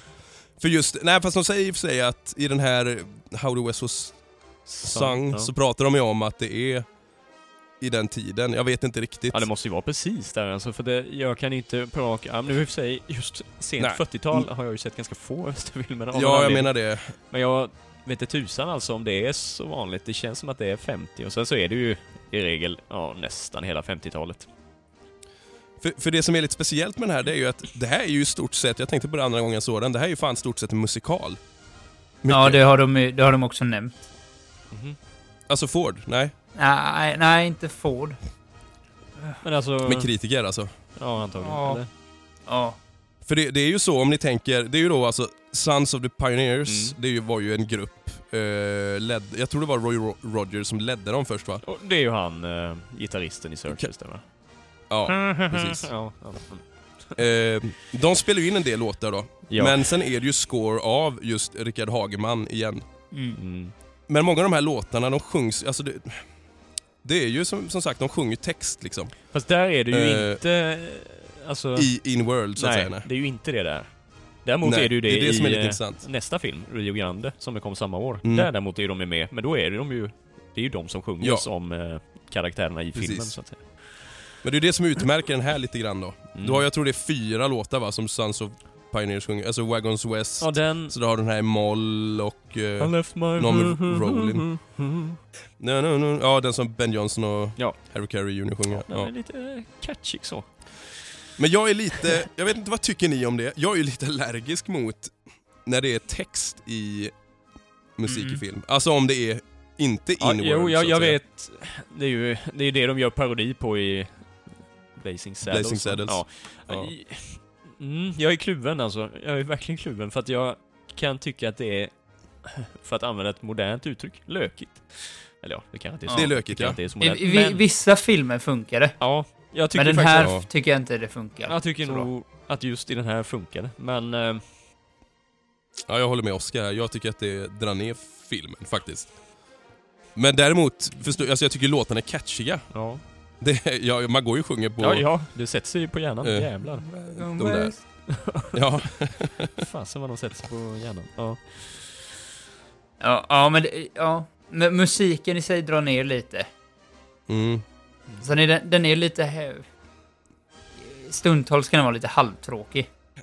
Men, eh, men det som eh, höjer betyget för mig, Mm. det är de här scenerna när, de, när vagnarna åker. Mm. Mm. Alltså, för det är ju filmat på, on location. Ja, jo, Mm. det är jävligt snyggt. Eh, det, det finns en bild här, eh, vi kanske kan ha med den. Eh, ska visa. Ja, ja, ja, ja. Precis. Förstår ni vilka jag menar då? Ja, alltså ja, där med, ja, precis. När de ska upp för... Ja. Ja, Mm. när de klättrar uppför eh, kullar och grejer. Mm. Och man, man Mm. tänkte fan, fan nu välter vagnen. Mm. Ganska ofta. Det, ja, det, det kan jag tycka om. Det blir mer verkligt liksom. Jo. Jag tror också att många inte fattar, som sagt återigen, Ben Johnson, vilken jävla stuntman Nej. han är. Jag, jag tänker mer och mer på det nu. Särskilt när jag såg den här. Då ser man ju gärna att det är han. Ja, ja. ja men alltså när, när hon eh, kastar vattnet på hästen. Ja, just det. Ja. Och den börjar, när den börjar bocka Ja. liksom. och det jävliga då, för det- jag menar det är ju för jävligt. Och första tagningen, då tror jag han klarade tre eller fyra bockningar. Just det. Och sen landade han lite dumt marken så en, en i crewet sprang fram liksom ja hur gick det? Så sabbade hela tagningen. Så han var tvungen att göra om det, men då klarade han tio bockningar. Oj. Det som är med i filmen liksom. Ja jävlar. Och man ja, det är ser- imponerande. Och jag tänker du vet det här början när han träffar eh, Ward Bond, när han sätter, han sätter sig på något sätt över sadeln, med, tänker ni på med det? benet ja. Ja. ja. Så här Det ser ut som att det ska jävligt- hoppa av men... eh, Ja. Jävligt liksom bara visa att shit, jag är mästare på hästen här. Mm. Eh, och jag tänker också bara det här som när han rider och rider fram till Ward Bond Mm. över stängslet, så jävla enkelt. Det är så små saker som jag tror går många förbi. Och när han rider eh, eh, ifrån Navajo-indianerna. Mm. När han ser dem i fjärran va? Och det är ju sådana saker som får, känslan blir ju mer äkta när, när det... Ja, ja. Så Absolut, det, de- det är ett stort plus. Mm. Ward Bond var ju också en väldigt duktig ryttare. Det kanske man inte tänker på så, men jag, han sa det själv vid något tillfälle liksom att ja, det är många skådespelare som inte kan rida, menar han på då. Alltså, Mm. riktigt, riktigt rida. På eh, bra, hög nivå, utan ja, de för sig konstigt Mm. och sådär va. Eh, Så det är klart, det är ju en stor grej. Vad är det nu då? Nu kom jag på vad jag skulle Ja. säga. Jo, eh, det Ford också är en expert på, det är att han liksom tar fram ett intresse för och små, små hintar till vad karaktären har varit innan. Mm, ja, du. Typ Ward Bond, så här, Ah. liksom, man, man får en känsla av att ja, det här är en karaktär med ganska rik bakgrund och man, är, man liksom väntar det här med vad har han gjort innan? Det här med att han måste lägga band på sig själv. Just det. Det här med svordomarna och liksom... Det, ja. Och likadant Ben Johnsons karaktär då. Varför... För man får känslan av att han har varit någon duktig på att skjuta, helt ja. klart. Mm, ja, ja, ja, precis. Eh, och hans lite klassiska, jävligt... Om man tänker slutet mot filmen då, Mm. fantastiskt bra replik. Eh, I only shoot snakes. Mm. Ja. Eh, Just det. Ja. Nej men det var en bra grej. Det, det har jag faktiskt inte tänkt på, men det, du har helt rätt i det. Exakt så är det ju. Med många karaktärer. Tackar, tackar. Men en helt annan grej, jag vet inte om någon av er har läst det, men eh, om man just tänker på den här filmen och Ward Bond. Det har ju ganska mycket betydelse Mm. för hans eh, vidare karriär egentligen. Om ni känner till. Ringer någon klocka. Vad, vad är stort med västern Ja, ja, ja. 50-talet? alltså, han, att han är tv-serie sen menar Ja, du? precis. Uh, nu ska vi Ja, se. att det här blev en tv-serie. Wagon... eh, Wagon Train. Train heter den ja. Och då är han ju huvudrollen i den. Och det är bland det sista han Ja. gör, tror jag, innan han dör. Ja, han dör ju under inspe- Ja, Han dör ju, nog, ja. så de ersätter ju honom under... För den gick du vet, den gick 57 till 65. Alltså, s- ja, ja, ja, men jag Eh. menar, han dör ju någonstans där runt 60 va? Ja, ganska tidigt. Han är med typ tre säsonger Ja, någonting. för, ja, precis. Och det var ju också en stor grej då, den begravningen såklart, med John Ja. Ford och John Wayne då, framförallt som... Men det är också kul med den serien, Wagon Train då. Har du sett den eller? Du har läst om den eller? Ja, jag läste om den. Vet ni, man, man pitchar en annan serie. Så här pitchade man den. Tänk er Wagon Train, fast i rymden. Va? Star Trek. Den är alltså inspirerad Jaså, av jaha. Wagon Train, så i förlängningen då Oj. även Wagon Master. Det är lite kul. Så det är lite kul. ja, det är lite kul faktiskt. Nej, men det, visst, ja det är också en behållning, men det är ju de här scenerna med vagnarna. Det, det är ju jävligt fräckt, tycker jag i alla fall. Fräckt filmat överhuvudtaget. Och Mm. landskapet Ja, och, och, hur och att det är... Nu, nu kanske det är väldigt mycket Ford, men jag har ju inte sett så mycket Ford än. Eh, men det Nej. här med att det är on location, Mm. det Ja. gör ju jävligt mycket. Ja, ja. Istället för att det är en målad bakgrund liksom. Ja. Nej, det, Ja. när jag tänker efter, det är det nog aldrig i hans filmer. Det är nog fasen aldrig såna där... eh, Är det aldrig det Stagecoach? Nej, jag vet inte. Det är ju Jag den tänker första... bara där när John Wayne står... Det är ju den första, ja, jo men jag vet, men det är ju den första det det? filmen där han använder Monu- Monument Valley faktiskt. Det är ju det, det är ju den. Sen blev han Ja. ju betuttad i det då, men nej, det vet tusan alltså. Nej, kanske ja, men jag, jag... Om det är någon eh, lyssnare som vet så får man gärna kommentera det. Det är intressant att veta. Eh, tänkte ni på förresten vilka, eh, om vi tänker folkmusiksånger som var med i den här? Eh, Jag, jag kände igen en, men jag kommer inte på vilken det var. Ja men det är ju Eh, River, jo, Red the River Valley ja. Ja, är den med mig? Red River Valley ja. Ja, nej, är den med? Nu var det ju ett tag jag... Och sen Shall We, Shall We Gather at the River Ja. är ju med, typ Ja, alla jo. hans som sagt. Och sen också... Ja, och Susanna. Ja, den är med ja. Just det. Ja. Ja. Men jag kommer inte ihåg Mm. när, men jag minns nu att... Kan varit någon annan som Ja, jag men när missade, var men... den? eh, När var det? Ja, jag Ah, minns skitsamma. inte. Eh, Mm. Men det är, det som är, det är lite Mm. kul som sagt, det förekommer ju i Inworld Mm. så att säga. Men då, jag vet inte, nu kom, tappar vi kanske tråden, eller jag tappade tråden för vad vi egentligen sa. Det här med varför han håller den så högt. Mm. Och det var väl nog kanske just det här då. Det var ju det de spekulerade i, eh, Harry Carey och Bogdanovic. Att det var liksom att han... Att han mådde så bra kanske, av... Ja. Eh, pretensionslöst på något sätt ändå. Inte Ja, behöva förhålla sig... nej, precis. Inte behöva förhålla sig. Jag tror att han la rätt mycket krut på det här just med stjärnorna, liksom att de ska leverera. Eh, Ja. Här är det ju mer en ensemblefilm. Ja, exakt. Det är ju det. Det är ju hans. Jag tror det är det. Film liksom. Alla får, ja, inte riktigt kanske en lika stor roll då, men eh, det, det kändes nog så för de flesta, skulle jag tro. Och då är det ju extra roligt om proffstyckare efterhand bara Ja, det är den bästa John Ford-filmen för att han har Fast sagt jag vet att han inte, är det så många som har sagt det då? Det har jag nog aldrig hört att det är någon som säger att det är den bästa. Nej, kanske Det inte den bästa ju i och för sig. Det är ju, jag tror det är ganska många som inte känner till det, men just att den har liksom har fått så, Mm. så extremt bra kritik. Ja, alltså jag har ju, jag vet inte om jag har sett den tre gånger nu. Och jag kan ju säga att den, den växte Mm. enormt mycket när jag såg den andra gången och ännu mer när jag såg den tredje gången. För första gången tyckte jag den var... Tänk inte vad den kommer växa när du ser den fjärde gången. Exakt. Är Ja, visst det. För, ja, men första gången tyckte jag, ja, jaha, det var väl sådär liksom. Inte mer med det, men... eh, mm. Jo, men eh, tillbaka till det här med On Location. Han har Mm. använt eh, Mm. där eh, Monument Valley, har, använder han i det här Yellow Ribbon. Och så är han i Mm. närheten tydligen utav det.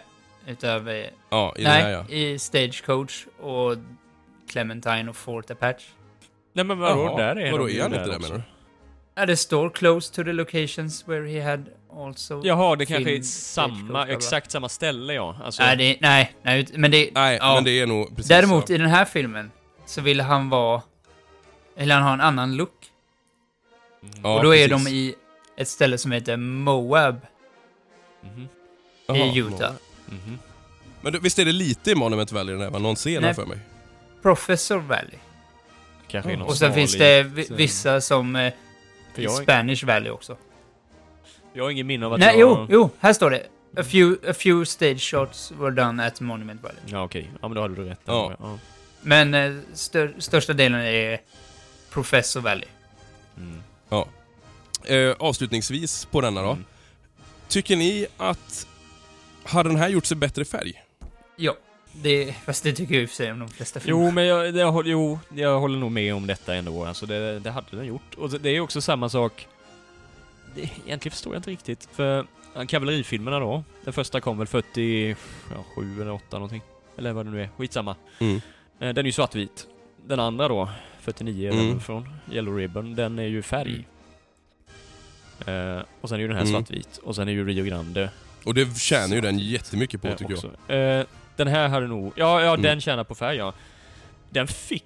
jag. Undrar om Mm. inte den fick en Oscar för foto med va? Det är ju någon speciell scen. Det är också någonting man brukar kalla liksom Ford-turen. Liksom att han eh, har tur med yttre förutsättningar som inte han kan rå över. Liksom som det här med när de är ute och marscherar då, eh, tåget. Eh, vad heter det? Jag kommer inte ihåg vilken... Är den där Ah, men Sandstorm? det, Nej, det, blir ju Oscar-världen det är inte den. På riktigt va? Ja, och han säger bara, så är men det." fortsätt filma, filma. Liksom. Eh, och det var ju mycket detta som gav eh, Oscar. Det, det är ju jäkligt spektakulärt, det ser Ja. rätt häftigt ut. Det är ju inga fejkblixtar där direkt liksom. Ju... För jag tänk... Men det är svårt, jag tänker överlag så här, alltså hans filmer. De enda två av dem jag har sett som jag tänker förtjänar att vara svartvitt för att de, de vinner Mm. lite på det. Det är Stagecoach framförallt för kontrasten. För den hade blivit konstig i och med att det är, det är så stark kontrast mellan svart och Ja, vitt i den. Mm. Eh, Ja. Och Liberty Valance med tanke på vad det handlar om på ja, något sätt. Men i övrigt... Den bör ju vara svartvit. Det, är liksom, det blir jättekonstigt annars om den skulle vara färg. Liberty Valance alltså. Jag tror inte, Three Godfathers hade jag inte alls hållit lika högt om den varit svartvit. Nej. Nej. Det är jag helt Nej, alltså jag, jag ser ju ingen fördel med att ha den här eh, Wagon Master eh, svartvit. Nej, undrar varför Nej, jag han... vet inte. Jag vet faktiskt inte. För det, som sagt, den här har ju inte, om man jämför med andra Ford-filmer, återigen Searchers, den här har ju inte så här våldsamt snyggt foto överlag. Det är några gånger som sagt Ja, framförallt de lite mer stuntiga scenerna. Ja. Jag tycker inte kompositionerna är sådär Ja, våldsamt... det är inte eh, lika slående kanske som där, men jag tycker ändå genomgående Nej. att det är rätt snyggt. Ja... Oh, det tycker jag. Det är flera tillfällen man slås av, fan det här ser riktigt snyggt ut ändå. Särskilt med vagn... Eh, passagerna. Jo men jag menar det. Det är ju vagnarna och hästgrejerna som det är... det. Men jag tänker när de har dialog och... Jag, jag tycker inte det är samma wow-faktor i alla fall som det Nej, är kanske inte. i andra Nej, men det visuella ligger ju mycket i vagn... Eh, eh, tågen. Mm, Så är det ju. Det är väl det. Ja, om vi ska avrunda nu här på nytt. Om vi landar på lite betyg. Simon, vad säger du? Nej, ja, ja... Mm. Ja, fyra då. Fyra, fyra då, får det bli. Fyra. Oj, ja det var högt. Ja, jo, men... Eller ja, det lät ju jättenegativt. Det var, var inte så jag menade. Vänta, vänta, vänta. Ja. Oscar. Nej, två och en halv. Mm. Frågan är nog mitt. Mm. Jag står i vägen mellan två betyg här. Men... Eh, halvbetyg eller helbetyg? ja, halvbetyg. Ja, men jag, jag har sett en trea. Eh, hade den varit i färg så hade den nog fått tre och en halv. Men nej, en trea Mm. sätter jag. Mm. Godkänd rulle helt Ja. enkelt. Finns ju på... Finns tyvärr inte att köpa digitalt. Typ på uh, iMovie eller sådär men... eh, finns ju... Jag tror på Amazon.se finns den rätt schysst och då ska man ju köpa den med kommentar, ja, ja. ja kommentatorspåret som sagt. som jag har är ju jättebra. Är, om man nu är intresserad Kostar av att runt se... typ 300 va? Ja, Eller något sånt. Under treordning är det nog. Får jag för mig. Då är det Mm. väl utan svensk text då, men det kanske man... Ja, ja om Mm. man nu känner att man hanterar engelska språket hyfsat. Så. Ja, men det var väl trevligt. Då får vi se. Nästa film vi recenserar kommer med största sannolikhet, nu vet man ju aldrig vad som händer, men bli en av, skulle jag säga, många lyssnares kanske favoritvästern. Eller vad Just tror ni? det. Ja. Mm. Det tror jag. Eh, men i alla fall då, för att eh, knyta ihop säcken återigen. Mm, som, tomten. sa. Nej, men det, det, om vi bara får komma tillbaka till det här innan vi avslutar med John Ford och västern. I och med att han så starkt präglar just västernfilmer. Men jag menar, han har gjort så mycket annat. Och jag har ändå fått Oscar då för diverse andra filmer. Men Mm. bland det sista han sa, vet ni vad det var? Vad han vill bli ihågkommen som. Ja, nej. Eh, John Ford, mannen som gjorde västernfilmer. Det är Mm. liksom hans arv. Ja, just det. Det har jag nog läst någonstans. Mm. Och det är ju lite talande också. Alltså, Det är ju det. Faktiskt. Det som låg han närmast hjärtat på något sätt ändå. Även om han ibland när han pratar i intervjuerna där liksom säger ja, nej, det är liksom inget speciellt. Eller de, de frågar ju honom ofta, vad är det för speciellt med västern? Mm. Då Ja. har han ju egentligen inget svar på det riktigt så, men... Eh, jo, nej. en, en grej som han dock säger är att han gillar ju att vara utomhus. Det är ju så skönt att vara Jaha. utomhus liksom. Att det kommer bli så enkelt. Men det är väl en väldigt Mm. förenklat svar. Men i alla fall, ja. Tror ni inte det kommer tillbaka lite det här vi har pratat om i många avsnitt att hur man än vrider och vänder på det så är det något väldigt unikt med Jo, hela Det är västern. väl det. Och som jag tror är liksom lätt att tilltala många från så många olika aspekter. Antagligen är det så. Så tänk vilken ynnest vi har som får dela det här intresset och vara med i så många roliga sammanhang Mm. kring detta. Och med det vill vi önska er alla En god jul Ett gott nytt år. och ett rungande...